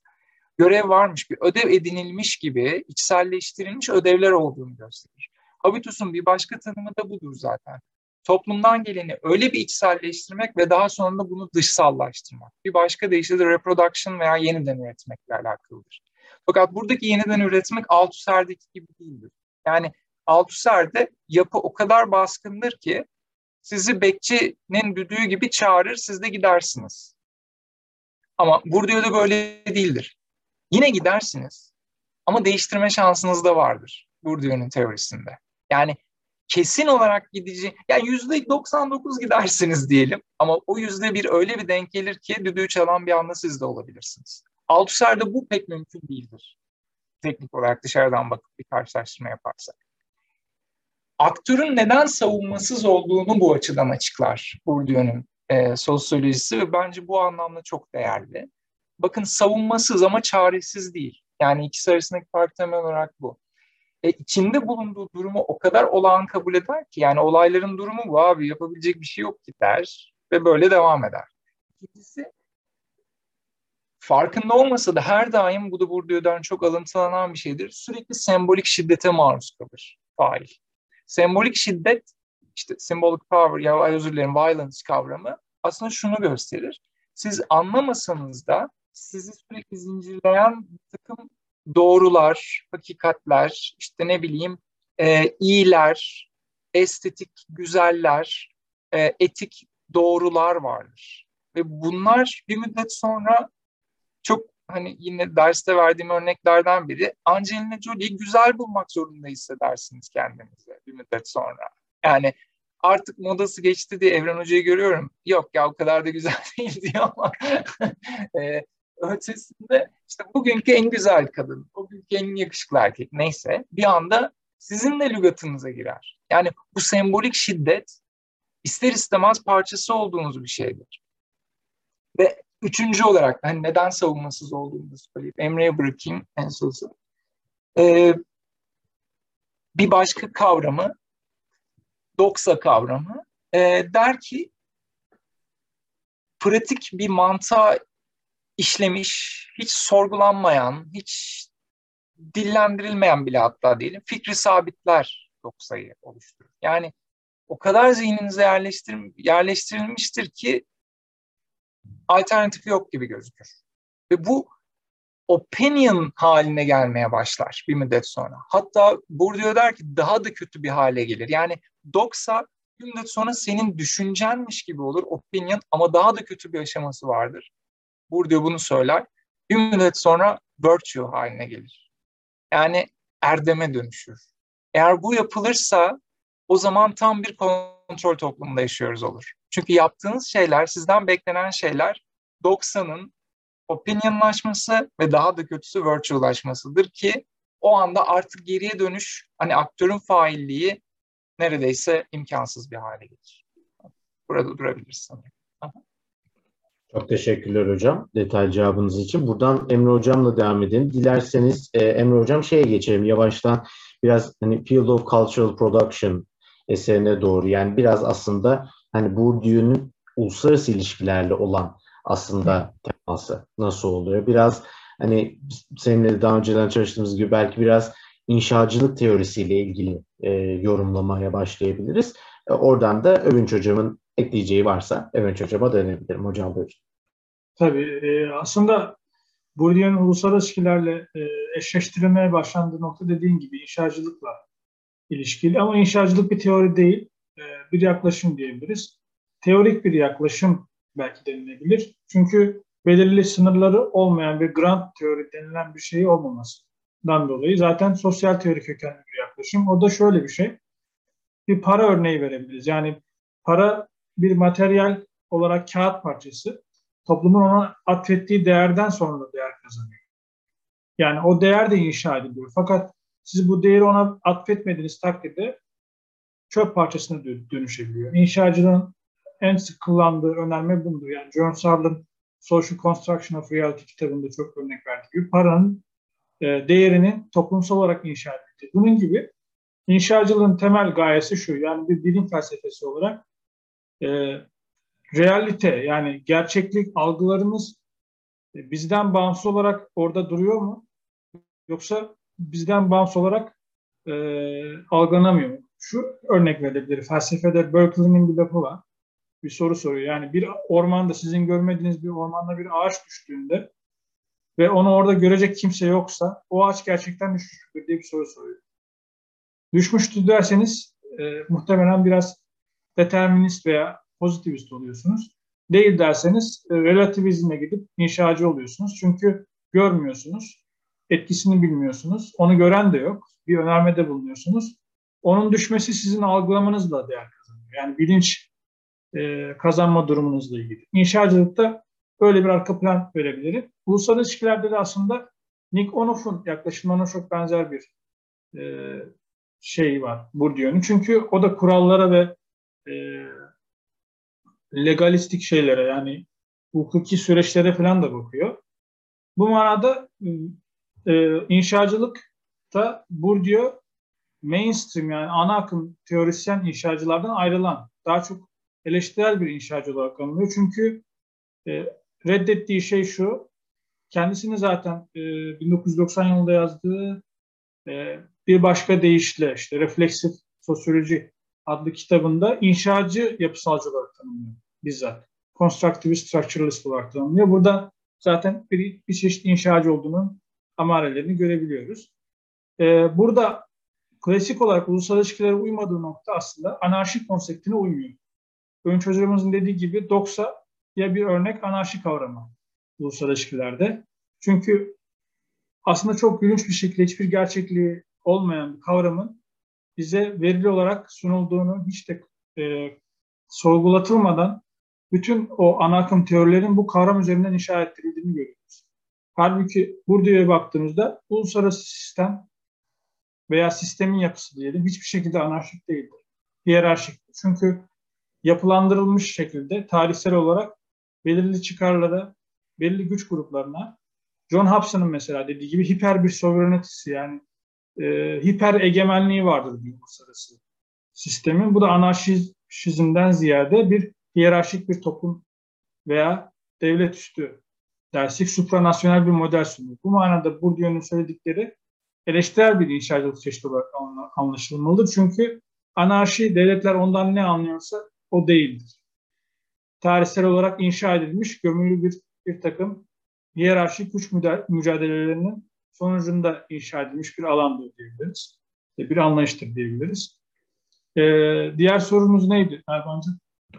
E, buradan yani aslında daha çok yani girdin ama daha çok belki de e, buradan kültür kavramını evet. biraz daha açmak istersin diye. Hani sözü sana bırakayım. Oradan Övünç hocamızla devam edelim. Tamam. Biraz da e, yapı, post yapısalcılığa doğru geçiş yapabiliriz istersen.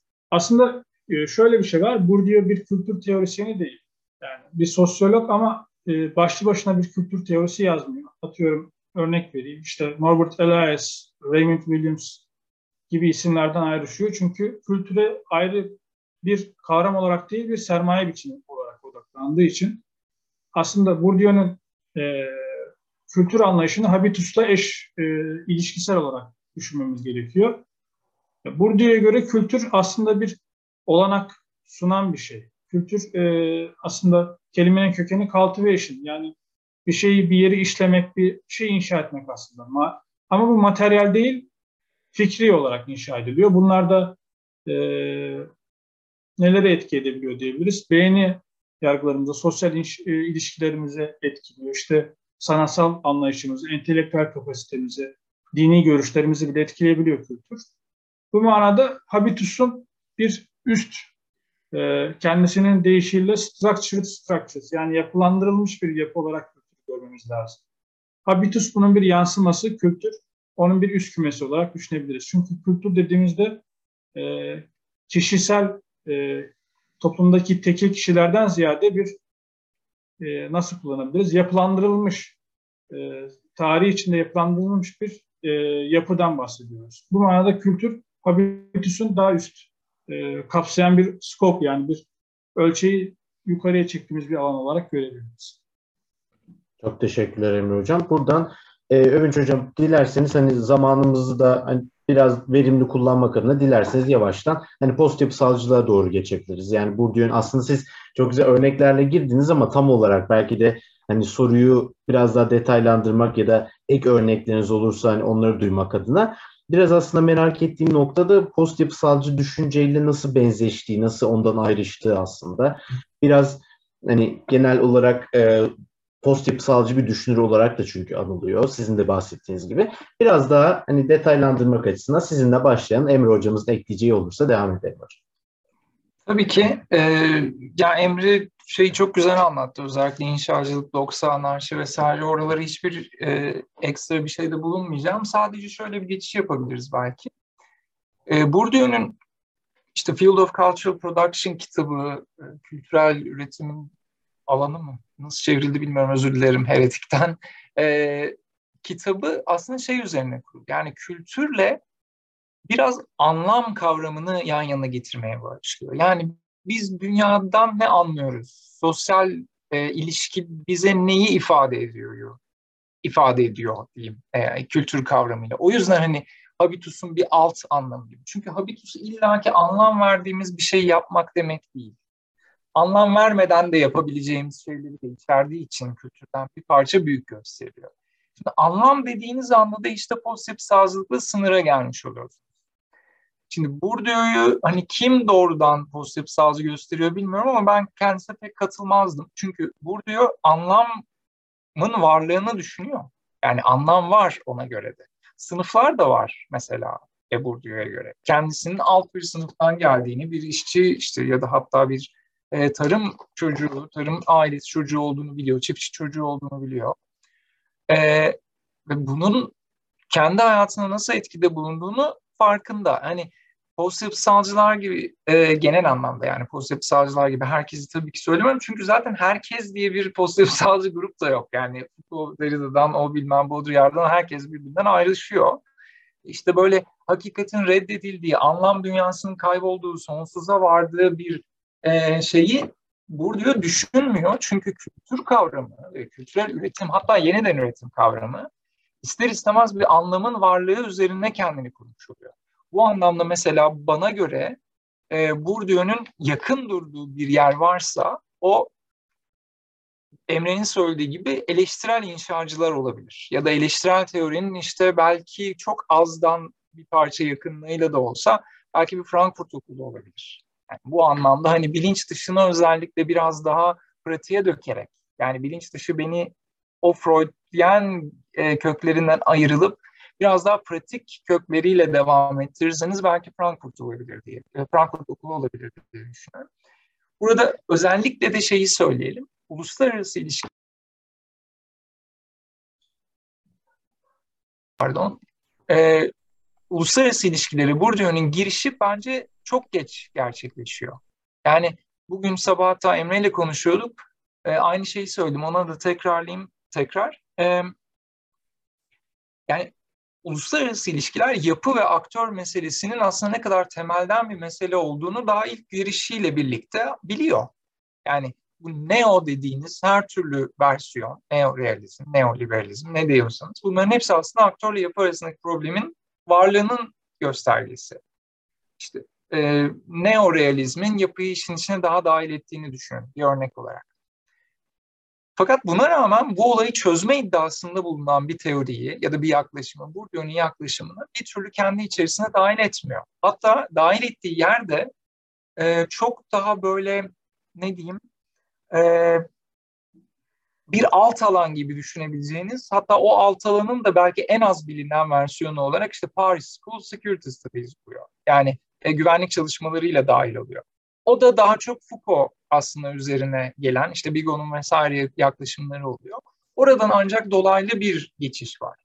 Mesela bugün işte Scholar Google.com'da basit bir araştırma yapıp International Relations Bourdieu vesaire yazarsanız tahmin ettiğinizden çok daha az sayıda makale bulacaksınız. Emin olun bana. Hatta o makaleler de o ayrımı sevmiyorum ama daha çok hard politics ile değil low politics ile alakalı olacak. E, özür dilerim high politics ile değil low politics ile alakalı olacak. Hep böyle kültürel meselelerle alakalı olacak. E, o realizmin tahtına hiç aday olmamış bir yaklaşım göreceksiniz. Oysa bunun bence e, işte teorik olarak e, ne kadar sağlam temele oturursa oturtursanız yapacağınız yorumun o kadar komplike hale geliyor olması uluslararası ilişkiler pratiğinin muhtemelen çok istemediği bir şey. E, policy paper yazarken ya bir de işte Bourdieu'ya geleyim de o da böyle demiştir demek muhtemelen kimsenin içine gelmediği için ve uluslararası ilişkiler biraz daha pratik bir alt disiplin olarak, disiplin olarak kaldığı için muhtemelen pek gerçekleşmiyor. Ama şu tecrübemi aktarayım. E, 2019 yılında Eylül ile Aralık ayı ayları arasında İtalya'daydım. E, ve çok farklı Avrupa ülkelerinden gelen bir sürü insan vardı. Siyaset bilimi, uluslararası ilişkiler, sosyoloji neyse bir sürü daldan gelen insanlar vardı. Yani gerçekten hiç abartmadan söylüyorum. Her hafta Bourdieu ile alakalı bir şeye girdim ben. E, nedir o konferansa ya da işte workshop'a vesaire girdim. Ve hiç böyle bir niyetim yoktu. Ben zaten bambaşka bir şey için gitmiştim yani orada Giuseppe Mazzini ile alakalı bir alakası oluyor. E, ve yani bütün Avrupa şu anda sosyal teori olarak Bourdieu'nun üzerinden gidiyor. Yani konu ne olursa olsun. İklim değişikliği, e, sosyal hareketler, social movements, e, bileyim işte e, otoriteryenizmin artması vesaire. Konu ne olursa olsun. Bourdieu neredeyse temel teori haline gelmiş vaziyette. Biz muhtemelen olayları genellikle bir 10 sene geriden takip ederiz. Mesela Arendt bizde yeni e, şey olmuştur popüler hale gelmiştir. Oysa Arendt'in popülerliği Avrupa'da biteli bayağı 10 yıl oluyor herhalde.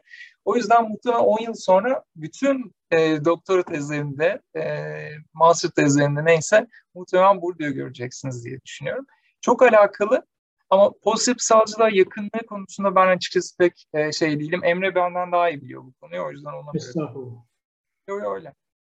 Yani, yani şöyle şunu söylemeyi unutmuştum aslında. Bu düğünün neden uluslararası ilişkiler kuramında e, yatsındığı veya marjinalize hale getirildiği ile ilgili şöyle de bir şey var. Aslında o bize anlatılan analiz, analiz seviyesi, analiz bilimi ayrımı vardır ya.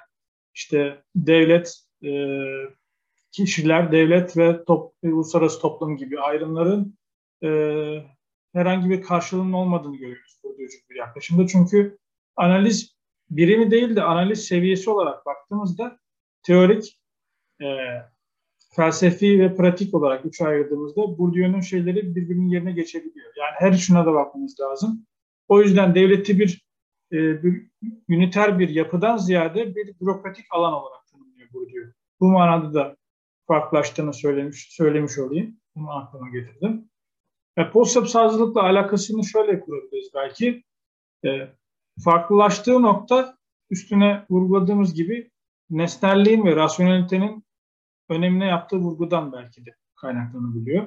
Burada post teorisyenlerden ayrılıyor. Foucault'dan, Derrida'dan e, veya Baudrillard'dan diyebiliriz. Aslında Foucault biraz da şeye yakın, e, Bourdieu'ya yakın. Çünkü belirli institutionlar, kurumlar nesnel şeyler dahilinde analiz yapıyor, tarihsel analiz yapıyor. Fakat Derrida gibi isimler gramatoloji, söylem, diskura daha çok e, önem verdiği için Bourdieu'nun de belki eleştirilebilecek, eleştirilebilecek bir yanı da şudur. Eleştirilebilirse tabii. Söyleme fazla önem vermiyor Bourdieu. Daha çok pratiğe bakıyor. Bu manada zaten post hazırlıklarında ayrıldığını söyleyebiliriz. Benzeştiği noktada habitus'ta belki bağlantılı olabilir. Çünkü habitus'ta bilinç dışının önemi var. Yani bir de bir failin tekil olarak yapıyı şekillendirme potansiyeline sahip olmasını belki konseptsalcı bir şekilde okuyabiliriz diyebilirim. Bu manada belki bir ekleme olabilir. Onun dışında bir şey aklıma gelmedi şu an.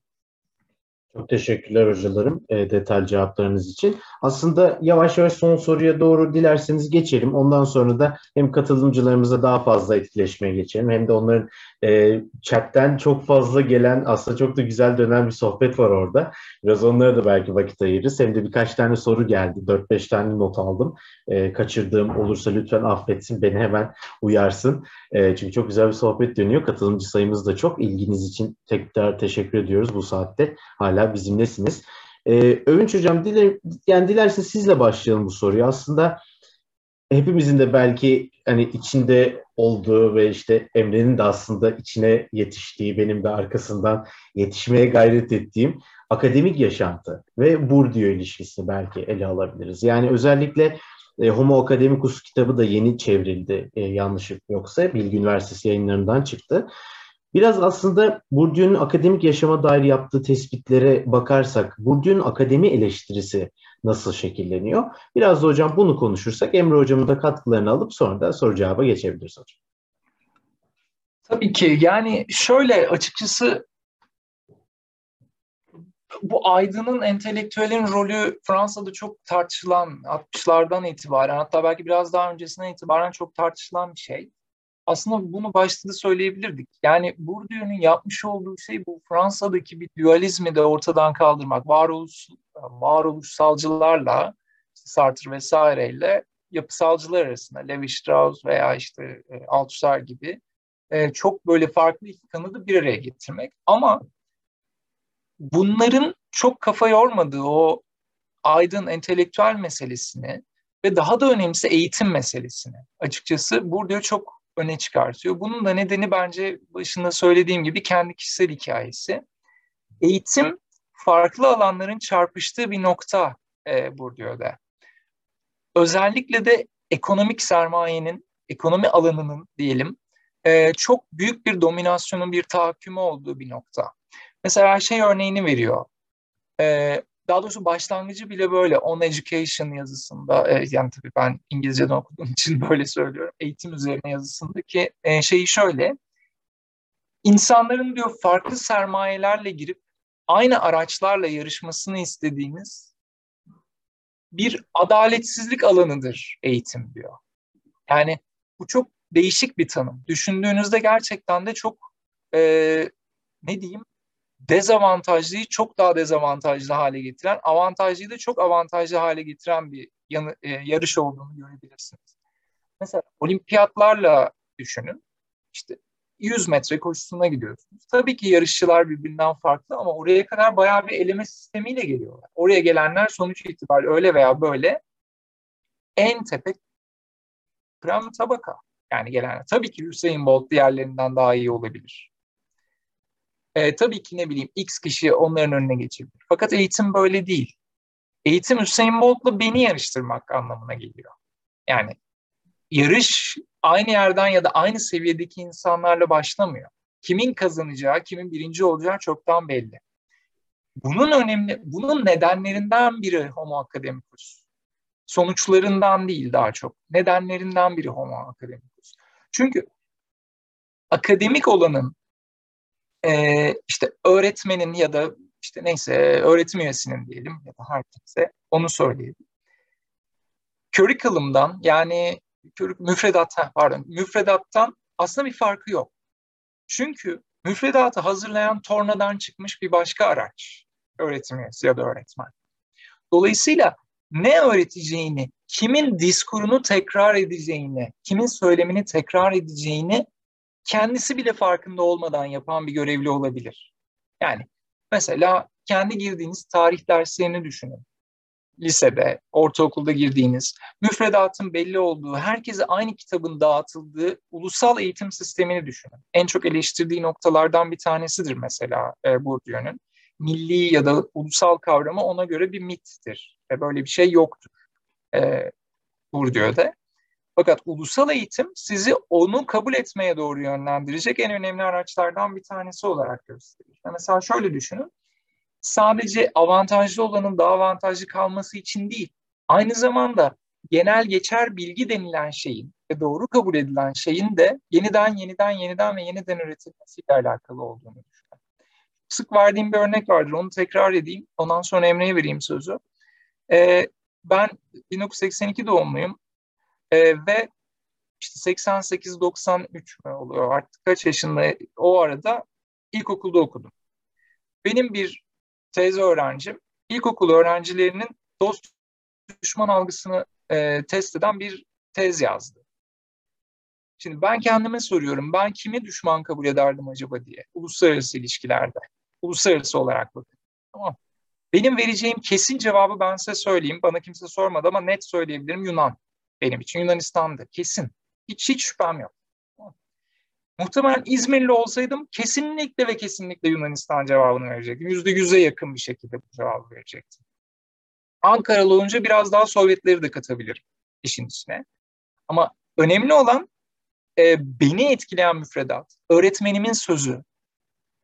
Ya hepimiz biliyoruz Yunanlar için, Sovyetler için, Ermeniler için neler söylendiğini, hangi eklerle birlikte anıldığını, artık dile girdiğini, dilin habitusunda yer alan kavramlarla girdiğini biliyoruz. Bunların tekrar edilmesi öğretmen tarafından yapılınca sizin aklınıza doğru olarak kodlanmaya başlıyor. Akademikus da bunu üst seviyede yapan insan oluyor bu anlamda baktığınızda. Girip yine bunu yapabilirsiniz. Yine aynı şeyi tekrar edebilirsiniz. Bu sefer muhatabınız tamam tamamen boş, tabularasa bir çocuk değil. Ama etkilenme yüzdesi çok yüksek olabilecek insanlar yine 20 yaşlarda, 18 yaşlarda insanlar.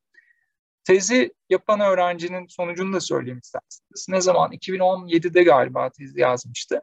2017'de bunların sorduğunuzda çocuklar Amerika dediler. Yine Yunanistan dediler, Ermenistan dediler. Yani benim, ben Özal çocuğuyum. Yani benim düşman olarak Özal'ı kurgu, e, özür dilerim Amerika'yı kurgulamam mümkün mü? Yani e, küçük Amerika olacaktık biz. Yani ben bunu nasıl kurgulayabilirim? Benim iktidar alanım buna izin vermez. Ama bugünkü iktidar alanı, bunların hükümeti kastetmediğimi zaten biliyorsunuz. Bugünkü iktidar alanı, power alanı ister istemez buna izin veriyor. Bunu söylüyor. Uluslararası düşmanı da sorsanız Amerika diyor, ulusal düşmanı sorsanız da Amerika diyor. İç güçler, dış güçler vesaireler demeye başlıyor. Onun diliyle konuşuyor. Habitusu haline geliyor. Düşman belirlemek de habitustur maalesef. Bu yüzden akademikusta bu bilginin, genel geçer bilginin, doğru demiyorum, bilginin, enformasyonun diyelim hatta, knowledge da değil, enformasyonun yayılması için bir aracı olarak kabul ediliyor. Çok da eleştiriliyor. Evet. Çok teşekkürler hocam. Emre hocam lütfen. Yani şöyle bir ekleme yapabilirim. Aslında Bourdieu'nun kendi tecrübesiyle eşleştirmeye çalışayım. Ee, Raymond Aron adlı sosyologun hamileliğinde aslında e, akademik hayata atılabiliyor bu diyor. Bir de yazdığı kitaplarla tabii etkili ama Raymond Aron bayağı bir destekliyor bunu. İlk başta Sorbonne'da zaten asistanı. Daha sonra College'de Fransa'da seçilirken de ona destek oluyor. Bourdieu'nun kendi aslında eleştirdiği nokta o ekonomi superior'daki eğitim sistemindeki eleştirdiği nokta şu. Öğrencilere siz e, eleştirel düşünce kapasitesini vermekten ziyade rekabetçi bir model sunmaya amaçlıyorsunuz diyor. Bu da aslında eğitimin amacı değil bir aracıdır. E, aracı amaçlaştırmış veya tam tersine çevirmiş oluyorsunuz şeklinde bir eleştirisi var. E, Bourdieu'nun. Aynı zamanda benim aklıma şöyle bir şey geldi. Hani eleştirel pedagoji çalışırken gizli müfredat kavramı vardı. Onu, onu da aslında habitusla eşleştirebiliriz. Çünkü gizli müfredat dediğimiz şey bize müfredatların içinde verilmeyen kodlar, simgesel kodlar yatkınlığımızı oluşturan habituslar aslında diyebiliriz. Bu manada bir bağlantı kurmak da istedim. şimdi aklıma geldi. Ee, onun dışında işte prekaryalaşma sorunu var biliyorsunuz akademide. İşte akademisyenlerin de bir çeşit proletere dönüşmesi, işçi haline gelmeleri. Böyle bir Türkçe çalışma da vardı. Ne derse olsa veririz diye kullanmıştım ben de tezimde. Yani Övünç Hocam başta söylediği gibi hiç başta haberiniz olmadığı halde sosyolojiye giriş dersi vermeniz istenebiliyor veya e, atıyorum ben eleştirel teori çalışıyorum. Bana uluslararası ilişkilere giriş dersi veya diplomatik history dersi gibi dersler yüklenebiliyor. Ayrıca size akademisyen olduğunuzda e, bilimsel uğraş için e, gerekli alanın dışında bürokratik işler de üzerinize yükleniyor ve bir çeşit işçi konumuna da yüklenebiliyorsunuz danışmanlık durumlarıyla diyebilirim. Bunlar aklıma gelmişti, ekleyebilirim. Çok teşekkürler Emre Hocam. Övünç Hocam e, son sözleriniz var mı Emre'nin dediklerine istinaden yoksa soru cevaba geçelim mi yavaştan? Yok geçebiliriz. Sadece tek bir nokta ekleyeyim. Bu e, belki başka bir perspektiften ama yine çok net olarak e, Bourdieu'yu destekleyen bir çalışmada işte Hasan Bülent Nalbantoğlu'nun çalışmasıdır. Ersat Yüklü akademisyen olarak tanımlar. E, bir cookie yemek için millerce giderek bir konferansa katılan ve mecbur olan buna. Çünkü e, sonunda e, işte başka isimler altında akademik teşvik bakın ne kadar pozitif bir laf. Onun altında aslında bonus karta e, harcama yapmaya çalışmaya benziyor. İşte 3 puan oradan, 4 puan buradan, do doçentlik sınavında 7 puan öbüründen falan almaya çalışan insanlara dönüşüyorsunuz. Pozitivist olmamasını isteyen, daha doğrusu pozitivist olmayan bir akademisyen bile e, gayet pozitivist bir değerlendirmeye mecbur kalıyor. İşte şey öğrenci anketleri var. Oradan 15 puan alırsanız çok iyi hoca oluyorsunuz. 14 puan alırsanız dekan sizle konuşmak istiyor gibi düşünebilirsiniz. Bunlar elbette modern akademisyenin, prekarya işte akademisyenin aslında bir göstergesi. Hocalarım çok teşekkür ederim. Yani çok bilgilendirici bir aslında sohbet kısmı oldu sizlerle. Çok detaylı cevaplar aldık. Belki chatte yazılan bazı soruları da aslında cevaplamış olduk ama e, dilerseniz şöyle yapabiliriz aslında. Sizleri de çok tutmamak, vaktinizi almamak adına şey yani katılımcı sayısı çok fazla. Dolayısıyla olabildiğince siz de müsaade ederseniz tabii ki izniniz olursa hani olabildiğince soruyu yanıtlayalım ama çok da geçe kalmadan tabii ki hemen toparlayalım.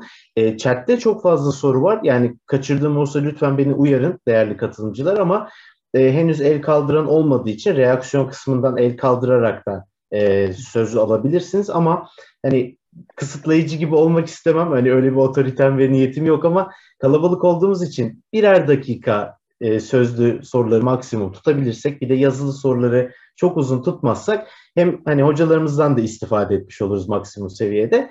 E, belki başka bir oturuma daha da aslında yer kalmış olur diyelim. Benim e, listeme göre e, ilk başta e, Betül Sarı e, sormuş aslında. E, onu hemen sizlere ileteyim. Siz aslında bahsettiniz hocalarım ama hani ek yapmak isterseniz diye ileteyim.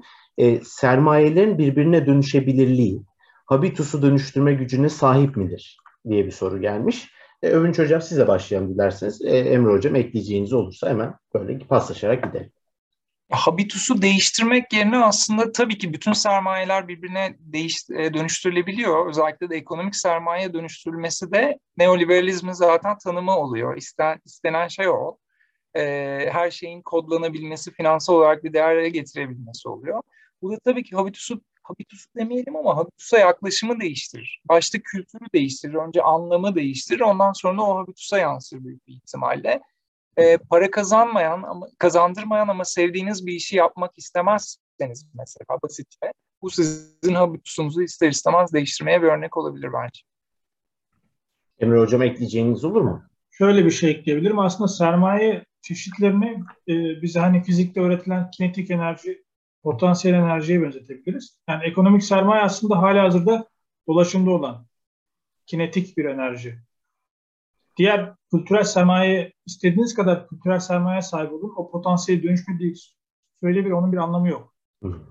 Yani habitusun dönüşümü için bu sahip olduğunuz kültürel sermayenin bir şekilde sembolik ve sosyal sermaye ile etkileşime girerek ekonomik sermaye dönüşümü sürecine girmesi gerekiyor. Bunu ekleyebiliyorum sadece. Çok teşekkürler hocalarım. Hemen e, el kaldıran e, katılımcılarımızı da görüyorum. Evren Hocam da el kaldırmış. Hemen döneceğim. Chatten birkaç tane soru almak adına çünkü çok erken yazmışlardı. E, hak yememek adına. Benim listemde gördüğüm yine aslında Övünç Hocam siz değinmiştiniz ama Ömer Çona e, Paris Okulu'yla aslında Bourdieu'nun ilişkisini sormuş daha evvelden ama e, yani güvenlik anlamında genel olarak nasıl etkilemiştir diye merak etmiş. Bourdieu ile özellikle bu ilişkiyi nasıl kurabiliriz diye. Ekleyeceğiniz olursa hocam hemen size sormuş olayım yoksa Emre Hocam dedim. Çok basit. Benim de zaten e, uzmanlığı olduğum bir alan değil ama Security Studies'in güvenlik çalışmalarının üç temel kolundan işte Galleri vesaire, Kopenhag'ı vesairenin biri ve daha çok e, bildiğim kadarıyla surveillance gözetim mi? Gözetleme mi? Öyle bir şey olması gerekiyor. Yani daha çok e, toplumun gözetlenmesi, güvenlikleştirilmesiyle alakalı bir çalışma yapılıyor. Çalışmalarda daha doğrusu kullanılıyor. E, çok fazla isim var. Bigo bildiğim kadarıyla en önemli isimlerinden bir tanesi. E, ve burada Yunan'da yararlanılıyor bu anlamda. Özellikle e, rıza alma demiştik ya, bunu pratiğe dö- dökme demiştik. İnsanların hani hangi söylemler etrafında mobilize edilebilecekleriyle alakalı ya da bunların nasıl güvenliğe dönüştürülü, güvenlik aracına dönüştürülebileceğiyle alakalı çalışmalar yapılıyor. Evet, e, en önemli şeyi girişi diyelim. Uluslararası ilişkilerin en önemli girişi oradan giriyor. Sağ olun hocam. Emre hocam ekleyeceğiniz olur mu? Yani şöyle bir e, fikir aklıma geldi. Mesela güvenlik çalışması hocam. Savaş çalışmalarında kullanılabilir. Yani ben şu an farazi konuşuyorum. Sadece beyin jimnastiği. Mesela fog of war diye bir kavram vardır ya. E, savaştaki sis, e, Clausewitz'in kullandığı. Bununla mesela e, Bourdieu'nun strateji kavramı eşleştirilebilir. Çünkü habitustan bahsettik. E, belli bir süre, süre sonra embedded hale gelen pratikler e, gömülü hale geldikten sonra doksalar oluşuyor demiştik. Yani verili kabul edilen şeyler. Bunda mesela e, devletlerin güvenlik anlayışını değiştirebilir gibi bir yorum yapabilirim şu anda. Onun dışında örnek olarak da işte IPS var. International Political Sociology dergisinin özel bir bölümü vardı. Didier Vigo'nun derlediği. Ee, onunla ilgili de Bourdieu'ya özel bir şey ayrılmıştı. Onu da paylaşabiliriz dinleyen arkadaşlar. Çok teşekkürler hocalarım. Buradan e, dilerseniz hem e, bir yazılı soru daha alıp hemen e, sözlü sorulara geçebiliriz. Evren Hocam bekliyordu. Evren Hoca elini indirdi ama sonra da Evren Hocam dilediğiniz zaman lütfen e, dahil olun. E, Osman Koca abi de bekliyor. Hemen e, yazılı e, Evşen Aslan sormuştu. E, toplumsal sermaye neyi bildiğiniz değil, kimi tanıdığınız önemlidir minvalinde diyebilir miyiz hocalarım diye sormuşlar. E, bu yorumu da hocam hemen sizlerin yorumunu alın. E, yani evet tabii ki yani yani sadece bize özgü gibi düşünülüyor bazen bu böyle değil. Yani buna hani emin olabilirsiniz. Bu bütün dünyanın hani e, üzerine gittiği bir şey. Yani social capital denen hadise sizin belirli bir toplulukta ya da belirli bir toplumda hangi kanalları kullanarak mobilize olabileceğinizle alakalı sizin nerede işe girebileceğinizle alakalı olursa o kroniye doğru gidiyor. Kabul ediyorum. Ama hani nereye yükselebileceğinizle alakalı dendiğinde mesela bu önem taşıyor. Yani niçin Macron gibi bir karakter bir anda şey çıkar? Nasıl Donald Trump sosyal sermayesine, tabii ki ekonomik sermayesi de var yok demiyorum ama neden Donald Trump hangi social network'ten geçerek oraya doğru geç, girebiliyor? Ya da e, neden X bir kişi aynı yolu, aynı sermayeye sahip, ekonomik sermayeye sahip olmasına rağmen gecem, gezemiyor gibi bir soru mutlaka bunun yanıtını e, bulabileceğimiz, bu, bulabilmemizi sağlar bence. Özellikle bu dönemde. Yani hani sadece otoriterleşme vesaire diyor ama mesela şey çok ilginç değil mi? 1980'de e, Amerikan başkanına bakıyorsunuz Ronald Reagan. Yani Ronald Reagan bildiğiniz B-type movie'lerde oynayan bir tane adam yani ne alakası var Amerikan başkanı olacak. Ama Sylvester Stallone olsaydı emin olun Ronald Reagan'ın beş katı daha fazla oy alırdı yani o dönemde. Çünkü Hollywood zamanıydı, Sovyetleri dövüyordu. Aynı şeyi orada da gösterebileceğini düşünüyorsunuz gibi. Yani. Emre Hocam ekleyeceğiniz olur mu? Yok bir şey yok. Tamam. O zaman e, yazılı soruların hepsini not aldım. E, döneceğim. Çok da güzel bir tartışma dönüyor aynı zamanda. Emre hocamızın e, hazırladığı küçük bir okuma listesi vardı. Onu da paylaştım ama YouTube kanalında da zaten göreceksiniz. Onu da paylaşırım sonuna doğru. E, Akademikus kanalımıza yine koyabiliriz. Övünç hocamızın önceki e, röportajımız yani söyleşimiz de oradaydı. E, devamlılık sağlamak açısından oradan da bulabilirsiniz. Zaten hem sosyal medyadan da buradan da paylaşıyor oluruz. Bir ee, ekleme yapabilirim Erman. Tabii tabii lütfen lütfen. Yani kaynak olarak bence ben Bourdieu'nun kanon metinlerinin okunmasının taraftarı değilim yani. Kendi tecrübelerimi söylüyorum. İlk başta yani. Mesela ilk başta David Schwartz'ın Kültür ve İktidar kitabını okunursa çok muazzam bir çalışma. Her türlü kavramlarını ve biyografik e, e, evrimini de anlatacak şekilde. Daha sonra onu okuduktan sonra Bourdieu okurlarsa bence daha faydalı olacaktır diye düşünüyorum. Onu da ekleyeyim. Çok Hocam siz katılır mısınız bilmiyorum ama. Yo öyle yani genelde bu tip bir giriş zaten bir reader'la başlamak iyi bir fikir olabiliyor e, bu tip bir şeye. Tabii şöyle bir riski de var. Yani X birisinin anlattığı gibi anlamaya başlıyorsunuz. Bu hani filmi size önce spoil edip ondan sonra izlemeye benziyor ama bazı şeylerde bu maalesef gerekli oluyor. Yani çok karmaşık bir film izleyecekseniz önce konusunu bilmek istersiniz gibi düşünün. Bu da karmaşık bir film. Yani o konuda şey yapamayacağım. Hani kimseyi e, kolay bir metne hazırlayamayacağım. Fakat yine söylüyorum gerçekten Heretik'in çevirdiği gayet iyi. Gayet gayet iyi. Levent Ünsal'dı mı hocanın adı bilmiyorum evet. ama Levent Hoca gerçekten çok çok iyi bir iş. Ve ekibi elbette çok çok iyi bir iş kalmışlar. Teşekkürler hocalarım. Osman Koca e, size istek yolladım. Unmute edip sorabilirsiniz. Merhabalar, çok teşekkür ederim bu sunum için. Alıyorsunuz herhalde sesimi değil mi? Evet. evet. Yani teşekkür ederim. E, alan dışına, alan dışından Bourdieu'ya farklı bakışlar gördüm uluslararası ilişkiler perspektifinden. Ben de bir siyaset bilimci olarak doktora tezimde Bourdieu'yu kullanmıştım. Yazmış olduğum siyasal vekalet eylemi üzerinden tahakküm ilişkilerini incelemiştim CHP'de. Uzatmak istemiyorum. Hem bir sorum olacak hem iki de yorumum olacak. Ne düşündüğünüzü merak ediyorum. Süre nedeniyle e, arada kaynamış olabilir kuvvetle muhtemel. Çünkü bu kadar kısa sürede Bourdieu gibi 36 kitap 200'den fazla makaleyi tek celsede anlatmak çok mümkün değil. Habitus burada konuşulurken Habitus'un pratik yönü, doksik yönü, ondan sonra tekrara dayalılığı, yani alışkanlık tırnak içerisinde karakterden vesaireden farklı yönü çok vurgulandı ama Habitusu alana özgü bir kavram olarak düşündüğümüzde benim de doktora tezimi yazarken içine düştüğüm bir handikap vardı. Belki çalışmak isteyen arkadaşlar olur. Biraz da onların o bilinç dışısını e, uyarabilmek için özellikle söylemek istiyorum. E, habitusun alana özgü olduğunu düşündüğümüzde rasyoneliteyle bu habitusu Bourdieu'nun aynı şey, cümle içerisinde kullandığı bazı şeyler, örnekler görüyoruz. Örneğin devlet üzerine de hukukçular üzerine konuşurken Bourdieu kalkıp da rasyonel bir habitus diyor. Ben de Bourdieu'yu ilk okuduğumda işte ciddi bir çelişki vardı benim doktora tezim için. Adaylık mücadelesine giriyorlar CHP'de. Herkes olabilecek en rasyonel haliydi bu savaşın içerisinde. Bourdieu'yu kullansam bu doksik bir deneyimse böyle bir alışıla bir yeniden üretim süreci varsa nasıl habitus işleyeceğim diye. Bu beni şaşırtmıştı. Bir ikincisi Bourdieu'nun düşünümsel bir antropoloji için cevaplar e, kitabında Loic Vakan'a verdiği bir cevap var. Orada diyor ki rasyonel tercih kriz zamanlarında üstünlüğü ele geçirebilir. Burada da Habitus'un hayatın, gündelik hayatın olağan akışı içerisinde daha doksik bir kendini dayatması hali söz konusuyken kriz dönemlerinde insanların biraz, biraz daha bilinç düzeyine yükseldiği bir örnekle karşılaşıyoruz. Burdi ve Tarihsel Analiz kitabında Ivan Örmakov, Wisconsin'de hoca bayağı eleştirdi ama ben katılmıyorum. Yani Habitus'un alana özgü olması kavramın böyle içini boşaltacak seviyede rasyonalizmle, rasyonel olanla angajmanını beraberinde getirmiyor bence. Ama habitus kapsayabilir. Habitus'un rasyonel boyutu da vardır ve bu kriz anında ya da alana özgü olarak farklı şekillerde işlenebilir diye söylemek istiyorum. Bilmiyorum siz ne düşünürsünüz? Birincisi bu.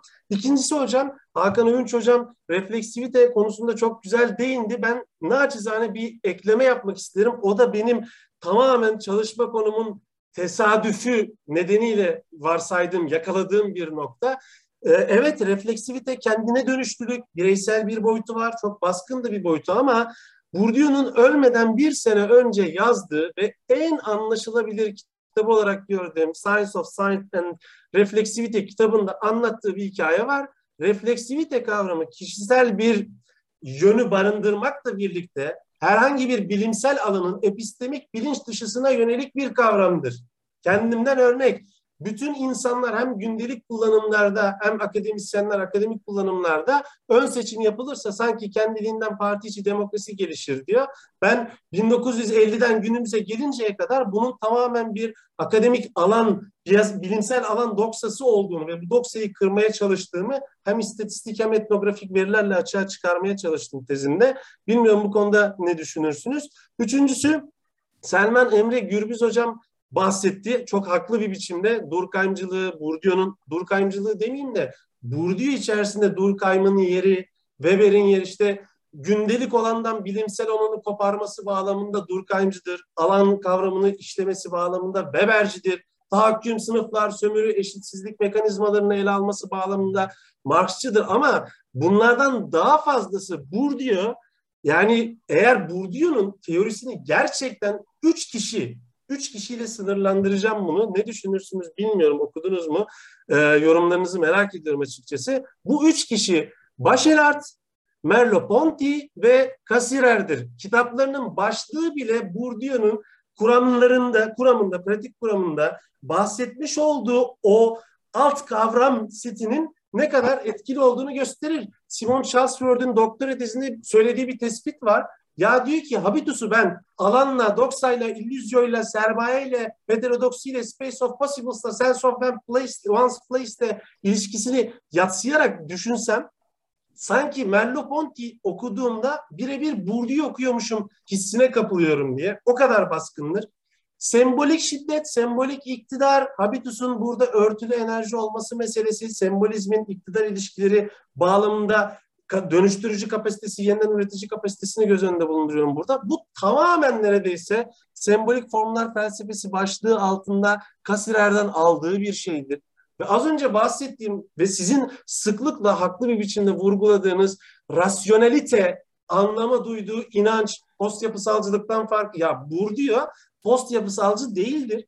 Bourdieu yapısal inşacıdır. Yapısal inşacılıkta Bourdieu'nun vurgusu da yapısalcılığa yöneliktir yapısalcı olmadığına yönelik olduğunu söyleyeceksek biz doksayı da bir kenara bırakalım. Yeniden üretimi de bir kenara bırakalım. Olumsal bir teoriye yelken açalım. Bilmiyorum ne düşünürsünüz bu konularda. Biraz böyle hariçten fazla zaman aldım. Hepinize çok teşekkür ederim. Çok şey öğrendim. Farklı alanlarda Bourdieu'nun böyle kullanıldığını gördüm. E, elinize, ağzınıza sağlık. Çok teşekkürler. Çok sağ olun. Hem sorularınız hem de yorumlarınız için. E, ben başlayayım sonra Emre devam etsin isterseniz. Bu rasyonellikle alakalı en son şey örneğini vermiştim yani kime yakın görüyorsunuz Frankfurt Okulu diyeceğim ama orada da Freud'u atın demiştim. Tam onu söylediniz. Yani harbiden rasyonellik çünkü var. Yani habitus yine aynı örneği vermeyeyim ama e, her sabah bildiğiniz otobüsü artık plakadan ya da gördüğünüz anda bile seçersiniz. Onun için ekstra bir rasyonel düşünceye gerek yoktur. Rational choice yapmanıza gerek yoktur orada.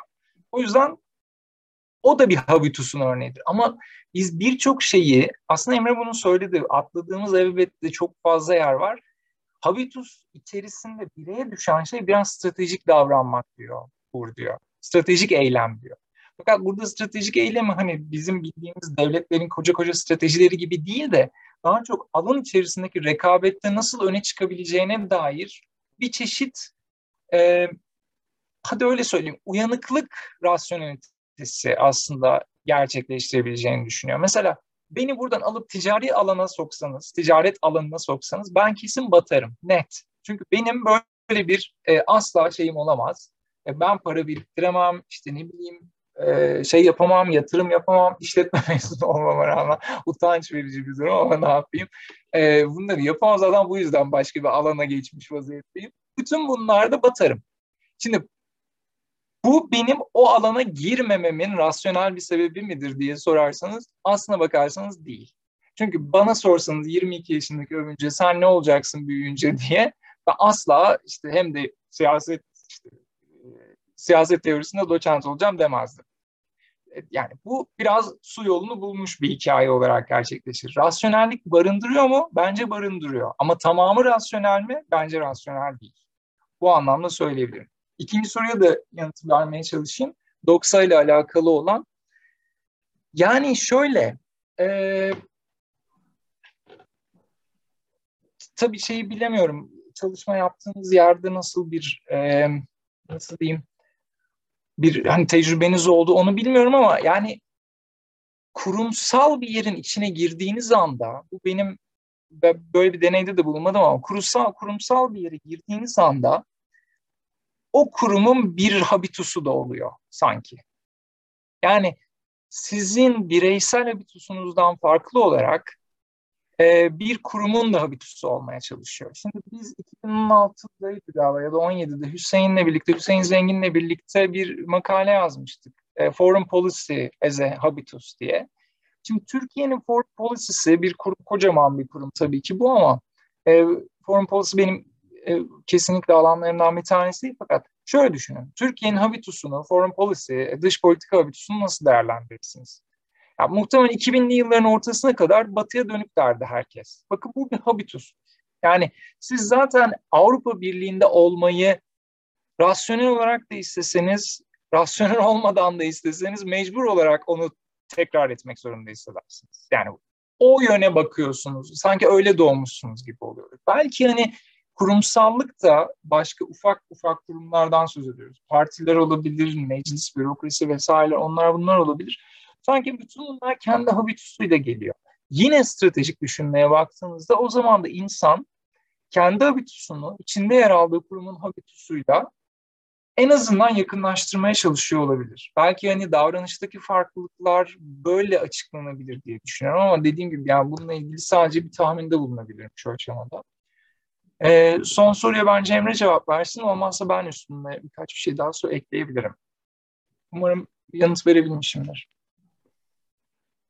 Yani şöyle bir şey ekleyebilirim aslında. Yani habitus'taki rasyonalizmle bağlantısı daha da e, spesifik hale getirirsek orada bir behavioralizm eleştirisi var. Yani davranışsalcılık eleştirisi. E, çünkü davranışsalcılık dediğimiz şey şu. İnsanların kafasındaki olaylar hiçbir önemi yoktur. Eyleme geçtiği anda önem kazanır. Habitus aslında bir irrasyonellik anlamına gelmiyor. Sadece bunun sınırlarına yani e, toplumsal olarak rasyonelliğin açıklayamadığı durumda devreye girebilmesi ile bence anlam kazanıyor diyebilirim. Diğer sorunuzda da şöyle bir şey var. Üçüncü sorunuzda söylemiştiniz. Gaston Bachelard tabii ki. Ben onu söylemedim ama bilimsel felsefi arka planında ondan ödünç aldığı çok şey var. O da mesela Thomas Kuhn'un benzer yorumları gibi e, inşacılıktan bahsettik. Bilimin öyle keşfedilmesini bekleyen hakikatler bütün olarak görmüyor. O Bachelard'ın ondan aldığı bir şey şu ayrıca. Bilim de aslında doksa haline geldiğinde, kabul edildiğinde bunu ister pejoratif alın, ister olumlayıcı bir şekilde alın. Bir normal bilim olması gerekiyor. Thomas Kuhn'un dediği gibi. Yani atıyorum Albert Einstein'ı e, 1800'lerin şey modeline getirildi. Newton, Newtoncu fizik tartışmaların içine soktuğumuzda kapı dışarı ederler atıyorum. Veya bugün e, toplumsal olarak kabul ettiğimiz bir okul, ekolün içinde e, aykırı görünen fakat daha sonra doğruluğu ortaya çıkabilecek bir şey olsa bile onu kabul edilmediğini görebiliyoruz. Bu, bu yönden mesela Bachelor'dan etkilendiğini tabii çok katılıyorum. Diğer isimlerle ilgili bağlantısını bilmiyorum ama Bachelor'dan bağlantısına dediğiniz gibi çok katılabilirim. Teşekkürler. Mar- Marlo-Ponti ile alakalı o zaman bir noktaya değineyim kısaca ondan sonra şey yapayım. Tesadüfen görmüştüm. E, chat'te de vardı. E, Habitus'la Gestalt psikolojisi arasında bir bağlantı demişti. Marlo-Ponti ile Gestalt psikolojisi arasındaki ba- bağlantı çok net. Dolayısıyla belki o üçünü bir araya getirebilecek çalışma da çok enteresan olabilir. Yapıldı mı bilmiyorum. Var mıdır böyle bir şey ama gerçekten enteresan bir şey olabilir. E, çok net bir nokta bana sorarsanız. Ben de katılıyorum. Evet. Yani bütünsellikten ziyade daha e, neyse bunu çok fazla girmeyeyim de yani fenomenoloji menoloji ile alakalı şeyler çok fazla var. E, bağlantılar bence de çok fazla var. Tabii, sağ olun hocalarım. Osman Hocam affınıza sığınarak çok fazla chatten soru geldi evvelden. Yani haksızlık olmasın. Onları da e, söz vermek adına çünkü kısıtlı vaktimiz kaldı. Çok da geçe bırakmak istemeyiz yani katılımcımız özellikle hocalarımızı. E, bir hemen soruları dönelim ondan sonra hemen size geleyim olur mu? E, affınıza sığınarak. E, hocalarım şöyle e, bir soru daha vardı. Serpil Açıkalın sormuştu. E, habitusu dönüştüren kişiler kişi, kişiler habitusun içinden mi çıkar yoksa dışarıdan mı olmak zorundadır? gibi bir soru gelmiş. Bunu cevaplamak isterseniz size yöneltmiş olayım. Habitusun dışı diye bir şey aslında yok. Yani toplumda yaşıyorsak habitusumuz var. Yani el yazısı gibi.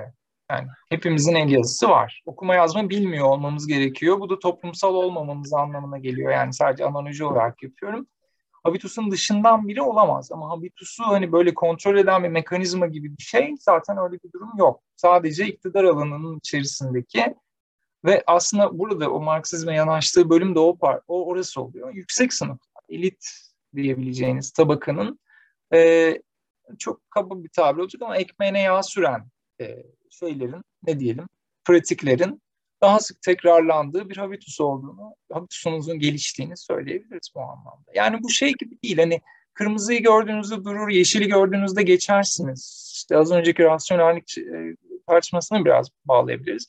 Bu hem rasyonel bir şeydir, yani ölmemek için bunu yaparsınız. Ama aynı zamanda da biraz irrasyonel bir şeydir. Düşünmeden, yani irrasyonel de değil daha doğrusu, prerasyonel bir şeydir diyeyim. Düşünmeye hani ne diyeyim gerek kalmadan da onu yapabilirsiniz gibi bir durum var.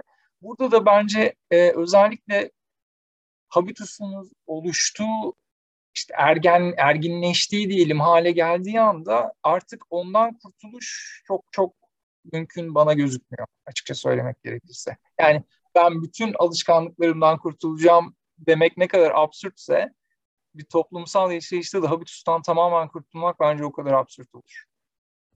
Teşekkürler hocam. Emre hocam ekleyeceğiniz var mı? Yani aslında kültüre de benzer bir açıklama getirebiliriz. Yani bir kültürün oluşması için e, yüzyıllar belki gerekebiliyor. E, orada bir paradigm shift yani bir paradigma kırılması yaşamanız için böyle bir derin e, olaylar, büyük siyasi olaylar veya afetler, sosyal afetlerin yaşanması gerekiyor. Bana bence de habitusu böyle kültüre bağlayabiliriz. Yani uzun sürede oluşan o bu, e, Brodel'in dediği gibi long düre yani uzun şeylerden sonra, tarihsel dönüşümlerden sonra oturan bir şey olduğu için değişmesi çok zor bence de bunu ekleyebilirim. Teşekkürler hocalarım. Burada e, chatte bir ara hepcilleşme tartışması döndü. Dolayısıyla ona dair bir soru sormak istedim. Aslında şöyle e, ifade etmiş e, katılımcımız Kemal Temel sormuş. E, kültürel pratiklerin ekonomisinin tahvil edilebilirliğinin habitusu dönüştürücü güce sahip olmasa da değişmesine imkan sağladığını ifade ettiniz son birkaç yıldır yabancı jurnallerde hepcilleşme tartışması başladı. Bu Bourdieu'nun aslında kültürel sermayesinin reddini içeriyor. Böyleyken Metallica veya klasik batı müziği dinleyen iki failin arasında ayrımın çözüldüğünü iddia eden hepcilleşme tartışmalarını tartışmaları sizce ne kadar tutarlıdır diye biraz müzikle bağlantılı. Övünç Hocam cevaplamak isterseniz size sorayım. Hepçilleşme nedir ben bilmiyorum hepçilleşme. Biraz yani chatte döndü sanırım omnivarius e, kavramı üzerinden türetildi. Didem Hoca, Evren Hoca da katkıda bulundu diye yani gördüm ben ama. Yemekle alakalı bir şey mi? Ha? Her türden şeyi yemek gibi mi? Yoksa? Evren Hocam size hemen bir söz vereyim dilerseniz seni katkı sağlamak açısından. Hocam hepçilleşmenin ne olduğunu ben de ilk defa duydum. Sadece ne demek diye sanırım Didem Hoca sordu bunun İngilizcesine diye. Ben de acaba omnivorus olabilir mi dedim. Yani çünkü biz insanlar olarak omnivorustur. Hem et yeriz hem e, bitki yeriz değil mi? Bunun latincesi omnivorus. Herhalde arkadaş hepçilleşmeyi böyle her şeyi tüketen anlamında kullandı. Omnivorus demince de evet dedi birisi. Tam hatırlamıyorum şimdi. Ama o sırada evet. benim çok önceden beri biz sizde aslında bizim tevellüt aynıymış hocam. Övünç hocam. ee, belki e, daha kolay bir örnek verebilirim. Çünkü benim esasında soracağım soru da pratik sosyolojiyle ilgili. Çünkü e, bütün bu anlattıklarımızın dışında sanırım ufak bir şey de değinelim mi diyeceğim sorun e, pratik sosyoloji ve pratik sosyolojiye şey ne katıyor? Bourdieu ne katıyor? Bunu soracaktım zaten. Bundan önce Şimdi bu omnivor sepçileşme tartışması aklıma benim şey getirmişti. Ee, ben lisedeydim. Biz zamanında işte rock, metal, müzik bunları falan dinlerdik. Dolayısıyla giyim tarzımızda mesela bununla örtüşen bir şekilde yapıdaydı. Şimdi birkaç sene sonra zaman içerisinde arabesk dinleyen ya da rap dinleyen ya da hiç alakası olmayan insanların aynı şeyleri giydiklerini, aynı şekilde davrandıklarını. Dolayısıyla insanların kültürel zevkleriyle, kültürel tüketimleriyle dış görünüşlerinin bir zamanlar aynı olduğunu bilirken bunun tamamen çarpık bir şekilde hiçbir şey ifade etmeden herkesin her şeyi dinlediği, herkesin her şeyi giydiği, kimin neyi giydiğiyle, kimin neyi dinlediğiyle, kimin nasıl bir zihniyet ya da kültürel biçime sahip olduğunu artık anlayamaz hale geldik. 2000'lerde. Bir, bir, bir lise zamanında bu bizi çok şaşırtıyor. Allah Allah diyorum. Yani şey bak mesela tişört giymiş bilmem ne falan filan ondan sonra ama gidiyor işte arabesk dinliyor. Allah Allah yani. ikonların karışması. Estetik bir karışma değil artık. ikonların karışması sanki. Böyle bir şeydi. Ama ben bunu yani Baudrillard açısından e, pardon Bourdieu açısından açıklayabilecek birisi değil. Sadece bu habitusların bu şekilde örtüşmesi veya bu pratiklerin bu şekilde örtüşmesi ne anlama geliyor? Belki arkadaşın sormaya çalıştığı şey de buydu. Bu da benim kafamı çok karıştıran bir şeydir. Bilmiyorum siz ne dersiniz? Yani hocam bu Peterson'dı galiba. Ben, benim sesim ha tamam. E, Peterson'ın Cultural Omnivoreousness diye bir şey vardı ama ben o, o mu emin olamadım şu anda. O da şeydi yani insanlar artık o kadar fazla şeye maruz kalıyorlar ki tüketim öznesine e, maruz kalıyorlar ki e, ve sinyaline tabii maruz kalıyorlar ki hepsinden tat almaya çalışıyorlar. Yani aman eksik kalmasın hissiyatı vardı. Eğer oysa kavram yani yanlış bir şey tamamen bambaşka bir şey anlatıyor da olabilirim şu anda ama e, eğer oysa buydu. Ben böyle hatırlıyorum olayı. Cultural Omnivoreousness. E, şunu getiriyordu orada. Yani biz mesela sürekli ki Bourdieu bunun da bir sanat ürünü olduğunu söyler. Her ne kadar başka bir level'da olsa da mesela reklamlara maruz kalıyoruz estetik açıdan. Ve estetik bizde estetik alanı, kültürel alan ve tabii ki ekonomik alan yan yana geliyor. Ve şuna bakıyorsunuz. Ekonomik sermayeniz ne kadarsa o kadar diğerinden tat almaya çalışıyorsunuz.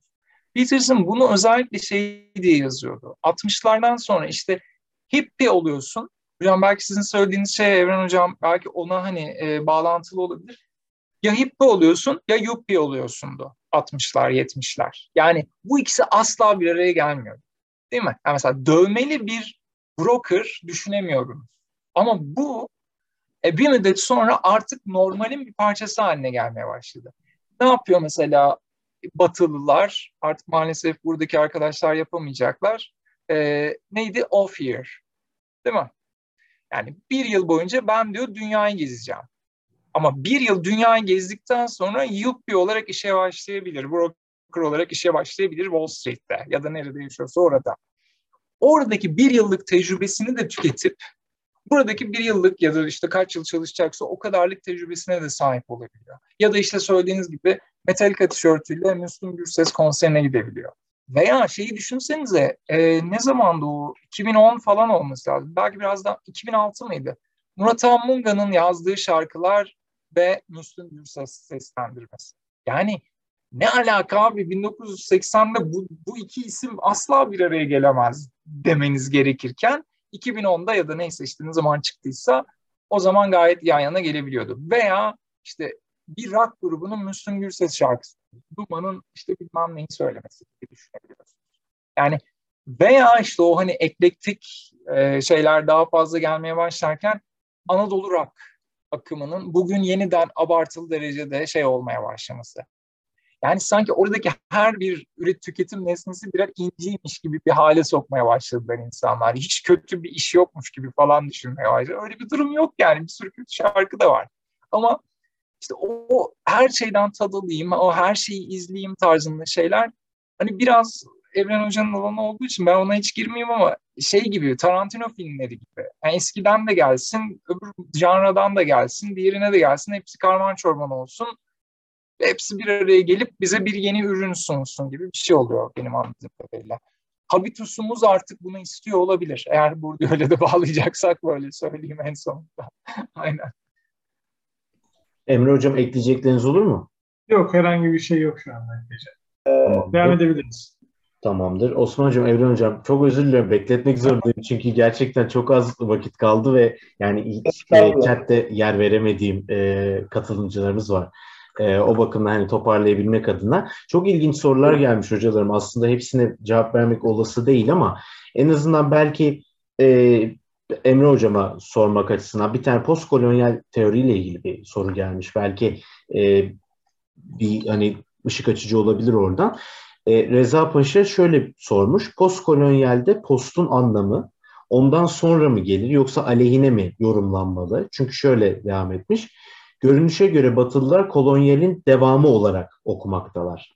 Ancak eski sömürge devletleri bu konuda zıt anlamda okumaları var.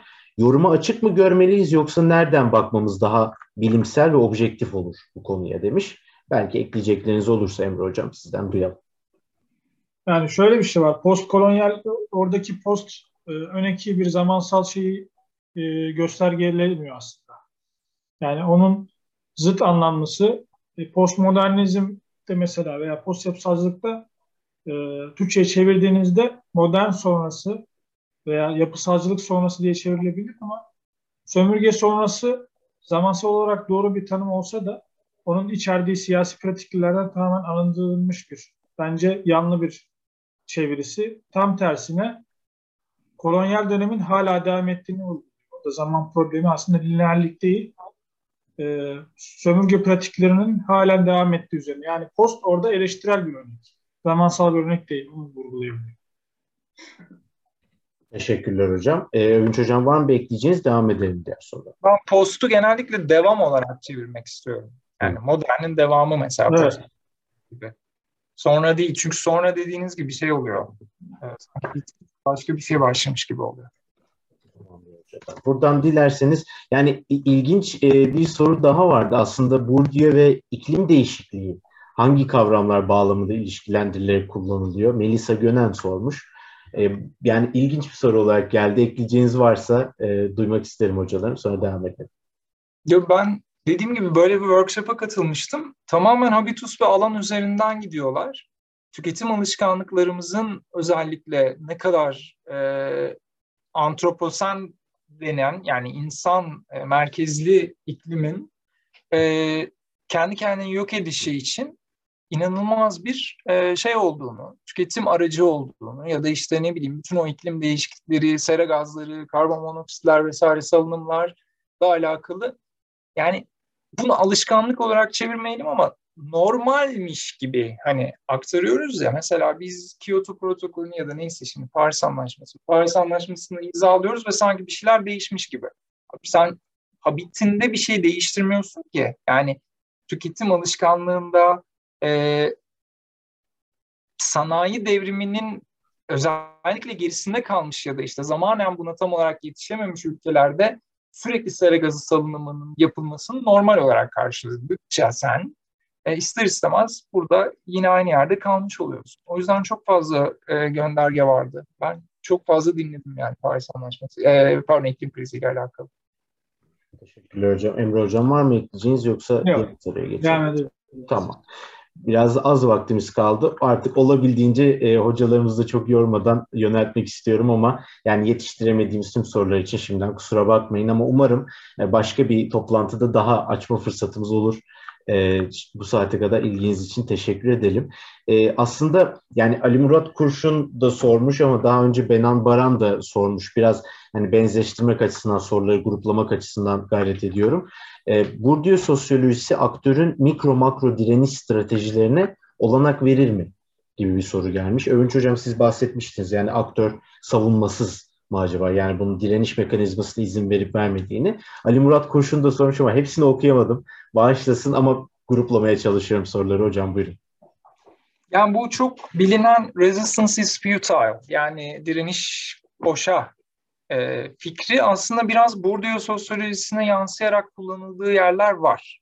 Hatta Bourdieu'nun bunu tekrar ettiğine dair söylemler de var ama ben görmedim en azından. E, bir efsane olmuş olabilir. Fakat ben bu kadar ümitsiz olduğunu düşünmüyorum. Yani en azından Bourdieu okuduğumda benim böyle ümitsiz, işte karalar bağlayacak bir e, teori yazdığını ya da yaklaşım yazdığını ben düşünmüyorum. Ha, birine sorumluluk yüklemek midir? Mesela işte Napolyon gibi, yani Napolyon kötü bir karakter, Napolyon gibi biri çıkacak ve dünyayı değiştirecek, yapıyı, oyunun kurallarını değiştirecek. Böyle bir şeye de inanmıyor. Yani böyle bir Hegelyen bir tarafı kesinlikle yok bu diyor.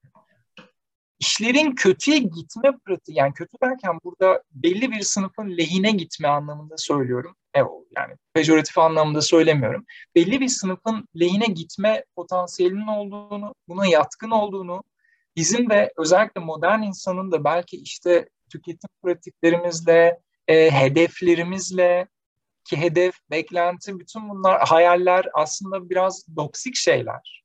E, yani doksadan kaynaklanan şeyler. Güdülendiğimiz şeyler oluyor. Bu olayları ya da bu gidişatı çok fazla değiştirebilmemiz çok kolay değil. Ama sorun şurada. E, bu yaklaşım, bu metot asla değiştirilemez deyip yolu kapatmıyor. Yani birileri bir şeyleri değiştirebilir. Nasıl olabilir? Onun cevabı yok işte bu diyor. Yani işte bir mesela Marx'ta biliyorsunuz bunun nasıl olacağını. Birileri bir araya gelir ve işleri değiştirirler. Weber'de biliyorsunuz nasıl olacağını. İşte dünyaya bakış açısı Weltanschauung değişir ve olaylar değişir. Böyle bir tek cevap burada yok. Yani benim okuduğum, gördüğüm kadarıyla burada yok. Bu anlamda da Frankfurt okuluyla çok benzeşiyorlar. Reçeteyi yazıyor, özür dilerim, ee, şey yazıyor, tanıyı koyuyor ama reçete yok. Yani biraz Covid durumu gibi. Hani hastalığınız belli ama cevabı yok henüz. Siz de işte aşıyla bilmem neyle onunla bununla ayakta kalmaya çalışıyorsunuz. Ama bu ümitsizlik midir? Yok. Bakın aşı çıktı. Olduk. Hafif geçirmeyi düşünüyoruz, planlıyoruz. Umarım geçer, atlatırız ve başka bir zamana geçeriz. Yani öldük bittik bence bir yaklaşım değil bu. Hele ki kültürel açıdan hiç değil. Yani kültürel sermaye açısından bence hiç değil. Çünkü ekonomik sermayesi olmayanın kültürel sermayesi olamaz yaklaşımı kesinlikle burada yok. Asla yok. Zaten kendisi bunun kanlayacağının bir örneği. O yüzden bunu hiç reddedeceğini düşünüyorum böyle bir e, sonuç diye düşünmek. Teşekkürler hocam. Emre hocam ekleyecekleriniz var mıdır? Hemen Ali Murat hocamızın sorusundan devam edeyim kısaca. Yani Elias'tan bahsettiniz.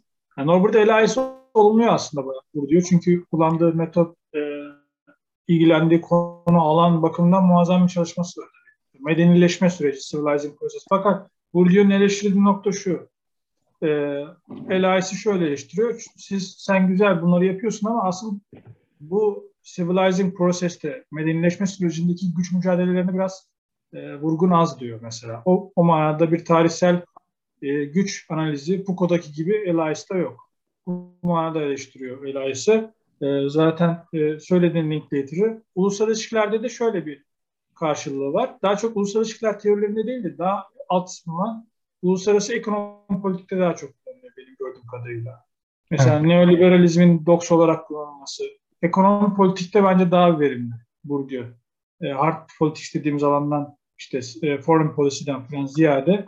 Son olarak da benim bildiğim David M. McCourt'un üçlü bir generasyon tanımı vardı inşacılıkta. Son üçüncü jenerasyon inşacıları bu aktör network teori falan var. Bu daha çok e, şey düzeyinde e, makro düzeyde de mikro düzeyde aktörlerin ilişkiselliği üzerine habitusun incelenmesine dayalı analizler yapılıyor. Bu manada bakılabilir. Vincent Puglio da mesela bunları yapıyor.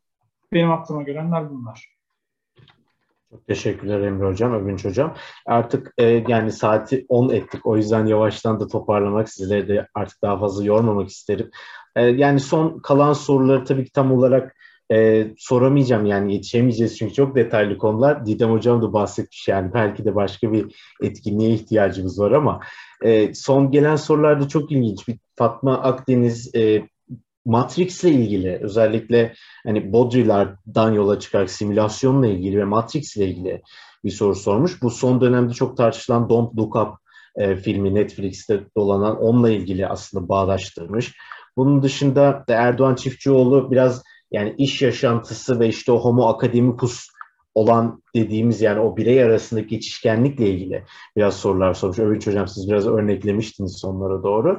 Ee, bir soru daha vardı. O da özellikle Bourdieu sosyolojisinin interdisipliner kullanımı ve Türkiye'deki yansımaları ile ilgiliydi. Hani onlardan da sadece bahsetmiş olayım. Lütfen bağışlasınlar ama gerçekten çok kaliteli e, sorular ve çok detaylı e, chatte konuşmalar geçti. Yani dileriz umarım başka bir oturumda tekrardan yer verebiliriz ama e, ben hani kapatmadan evvel Osman Hoca'yı ve Evren Hoca'yı çok beklettik. E, Övünç Hocam, Emre Hocam izninizle hocalarımızdan da son sözleri duyalım. Ondan sonra kapatalım hocam. Ben hocalarımı unmute ediyorum.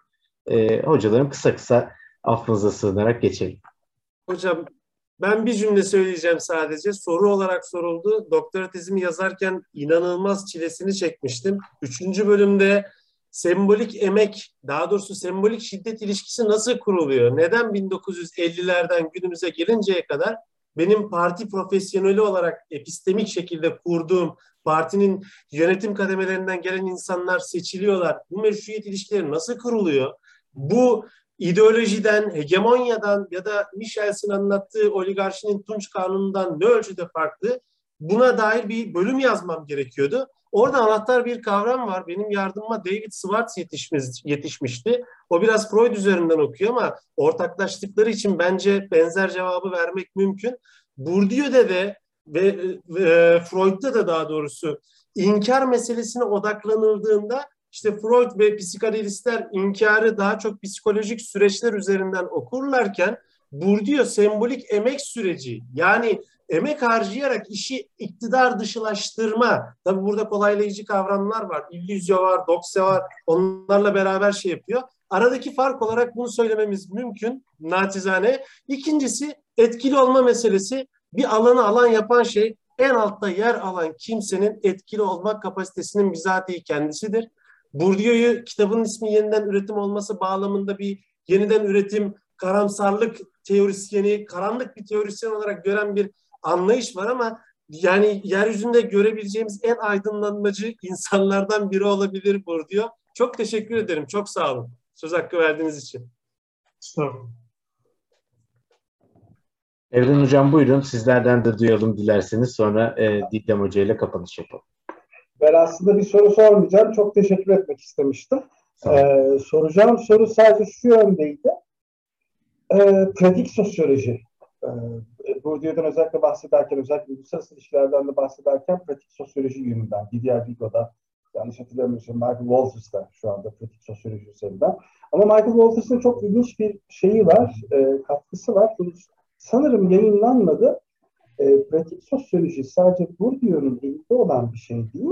Biz yanlış anlasak da sonradan da e, sonraki çalışmalarından daha sonra ım, farkında olmaya başlasak da Foucault'un özellikle son dönemde yapmaya çalıştığı şey de bayağı pratik sosyoloji. Dolayısıyla e, bu diyor öyle Foucault'un pratik sosyoloji anlamındaki e, çalışmalarını bütünlükte olarak bir başka tip bir programda acaba şey yapabilir miyiz, tartışabilir miyiz? Ben sadece bunu soracaktım. E, eğlenceli olabilirse diye. E, bu, bu, Walters'ın çalışması bu anlamda çıktı mı çıkmadı mı henüz değil ama e, çıkacaktı sanırım. Tabii hocam olabilir. Yani performans kavramıyla pratik kavramını da çok karşılaştıran şeyler var. Onlarda da konuşmayı çok da isterim açıkçası. Hem Goffman hem işte Judith Butler vesaire de. Onlar da ilginç olabilir. Ee, belki feminist bir perspektifte çok enteresan sonuçlar getirebilir. Bence de öyle olur hocam. O zaman evet. bir söz daha almış oluruz inşallah. Değil inşallah mi? olmasın tabii ki. hocam ağız, ağzınıza sağlık. Çok teşekkür ederiz. Ben teşekkür ederim. E, Didem Hocam buyurun. Ben de çok teşekkür etmek için söz aldım. E, gerçekten çok nitelikli de bir grup izledi bizi. Sorularından da anlamışsınızdır. Hocalarımız zaten Övünç Hocam, Emre de onun yolundan gidiyor. Gerçekten çok çok e, mutlu oldum. Sizlerden çok şey öğrendim ama şeyi de hissettim. Yani bu aslında beginner level değil mi? Aslında böyle hiç bilmeyenlerin anlayabileceği şekilde anlattınız. Yani ısınma turuydu. Aslında çok daha derinleşebilir ve muhteşem sohbetler, söyleşiler olacağını hissediyorum. Ee, Osman Hocam'la tanışmak da çok çok beni mutlu etti. Burada üzerine çalışan böyle araştırmacılarımız var. Yani bir network var mı? Bunu çok merak ediyorum. Bourdieu network'ü. Çünkü mesela Deleuze'le alakalı görmüştüm İngiltere'de. Yani konferanslar düzenliyorlar, kendi aralarında toplanıyorlar. Yani daha derinlemesine advanced böyle tartışmalar yapıyorlar. Bourdieu üzerine de aslında bir potansiyel olduğunu görüyorum. Eğer böyle bir network yoksa aslında kurulabilir. Onun da belki tohum atılabilir inşallah. Ee, böyle tanışarak aslında oluyor bunlar. Herkese çok teşekkürler. Öncelikle konuşmacı hocalarımıza çok sağ olun. Bizlerle paylaştınız, hem zamanınızı ayırdınız. E, ayrıca katılımcı e, bütün e, meslektaşlarımıza, araştırmacılara çok teşekkürler. Evren Hoca'ya bu fikir için çok teşekkürler. Harika bir fikirdi. Erman'ı da organizasyon için mükemmel yönettin. Çok çok sağ ol. Akademik olarak bunu yayınlayacaksınız zaten. E, müzik konusu çok ön plana çıktı. Övünç Hoca'nın da bu arada bir makalesi çıktı müzik üzerine. Yani aslında Evren Hoca'nın da müzik üzerine durması çok anlamlı. İnşallah başka bir etkinlikte onun üzerinden de belki konuşulabilir. Çok ben de çok memnun olurum. E, tekrar çok sağ olun. Kendinize çok iyi bakın. Biz de çok teşekkür ederiz hocam. E, makale için de teşekkür ederim hatırlattığınız için. Size de bir e, referans var. E, akademikler birbirlerini böyle kompliman yapıyorlar. Sizin çok sağ olun fark ettim. alakalı olarak e, çalışmanız bize de çok yol gösterdi. Çok teşekkür ediyorum. E, son sözse eğer öyle alayım. E, çok teşekkür ederim herkese. E, bizi dinleyen, e, ilgi gösteren herkese, soru soran herkese çok teşekkür ederim. Emre ile birlikte olmak bana da çok büyük keyif verdi. Bu şey gibi oluyor, garip bir hissiyat oluyor. Yani benim çocuğum yok ama öyle bir şey bu herhalde. Bilmiyorum. Öyledir herhalde. Ee, herkese çok teşekkürler. Çok sağ olun. Ee, yeni dönemde de yeniden tekrar görüşmek üzere. Emre Hocam sizin son sözünüz var mı sizden de duyalım? Yok ben de teşekkürlerimi iletmek istiyorum sadece. Herkese e, katıldığı için teşekkür ederim. Umarım daha advanced, daha gelişmiş sempozyum veya toplantı şeklinde tekrar bir araya gelebiliriz. Çok sağ olun. Her şey için. Teşekkür ederiz. Vakit ayırdığınız için ayrıca Emre Hoca'ya da özel bir teşekkür. Okuma listesi içinde e, oturdu tek tek e, kendi koleksiyondan ayıkladı. E, tabii copyright için yani linkleri paylaşamıyoruz affınıza sığınarak anlayış gösterirsiniz. Ama yani çeşitli kaynaklardan bulunabilir diye tahmin ediyorum. E, evet. Zaten organizasyon için de Evren Hoca'ya, Didem Hoca'ya ben de karşılık teşekkür edeyim. Didem Hocam güzel sözleriniz için sağ olun. E, yer veremediğimiz sorular için bağışlayın tek tek. Çünkü dediğim gibi çok fazla soru geldi. Hem sözlü olarak da geldi, yazılı olarak da geldi. E, ama bir sonraki etkinlikte umarım hepsini cevaplayacağız. Bu chat kısmını da e, bir şekilde yani önemli e, katkıları, noktaları YouTube'daki kaydı koymaya çalışacağım. Onu da zaten sosyal medyadan görüp takip edebiliyor olacaksınız. Övünç Hocam, Emre Hocam çok sağ olun vakit ayırdığınız için. Kendinize çok iyi bakın. Görüşmek üzere, hoşçakalın. Görüşmek üzere. Hayırlı akşamlar herkese. Hoşçakalın.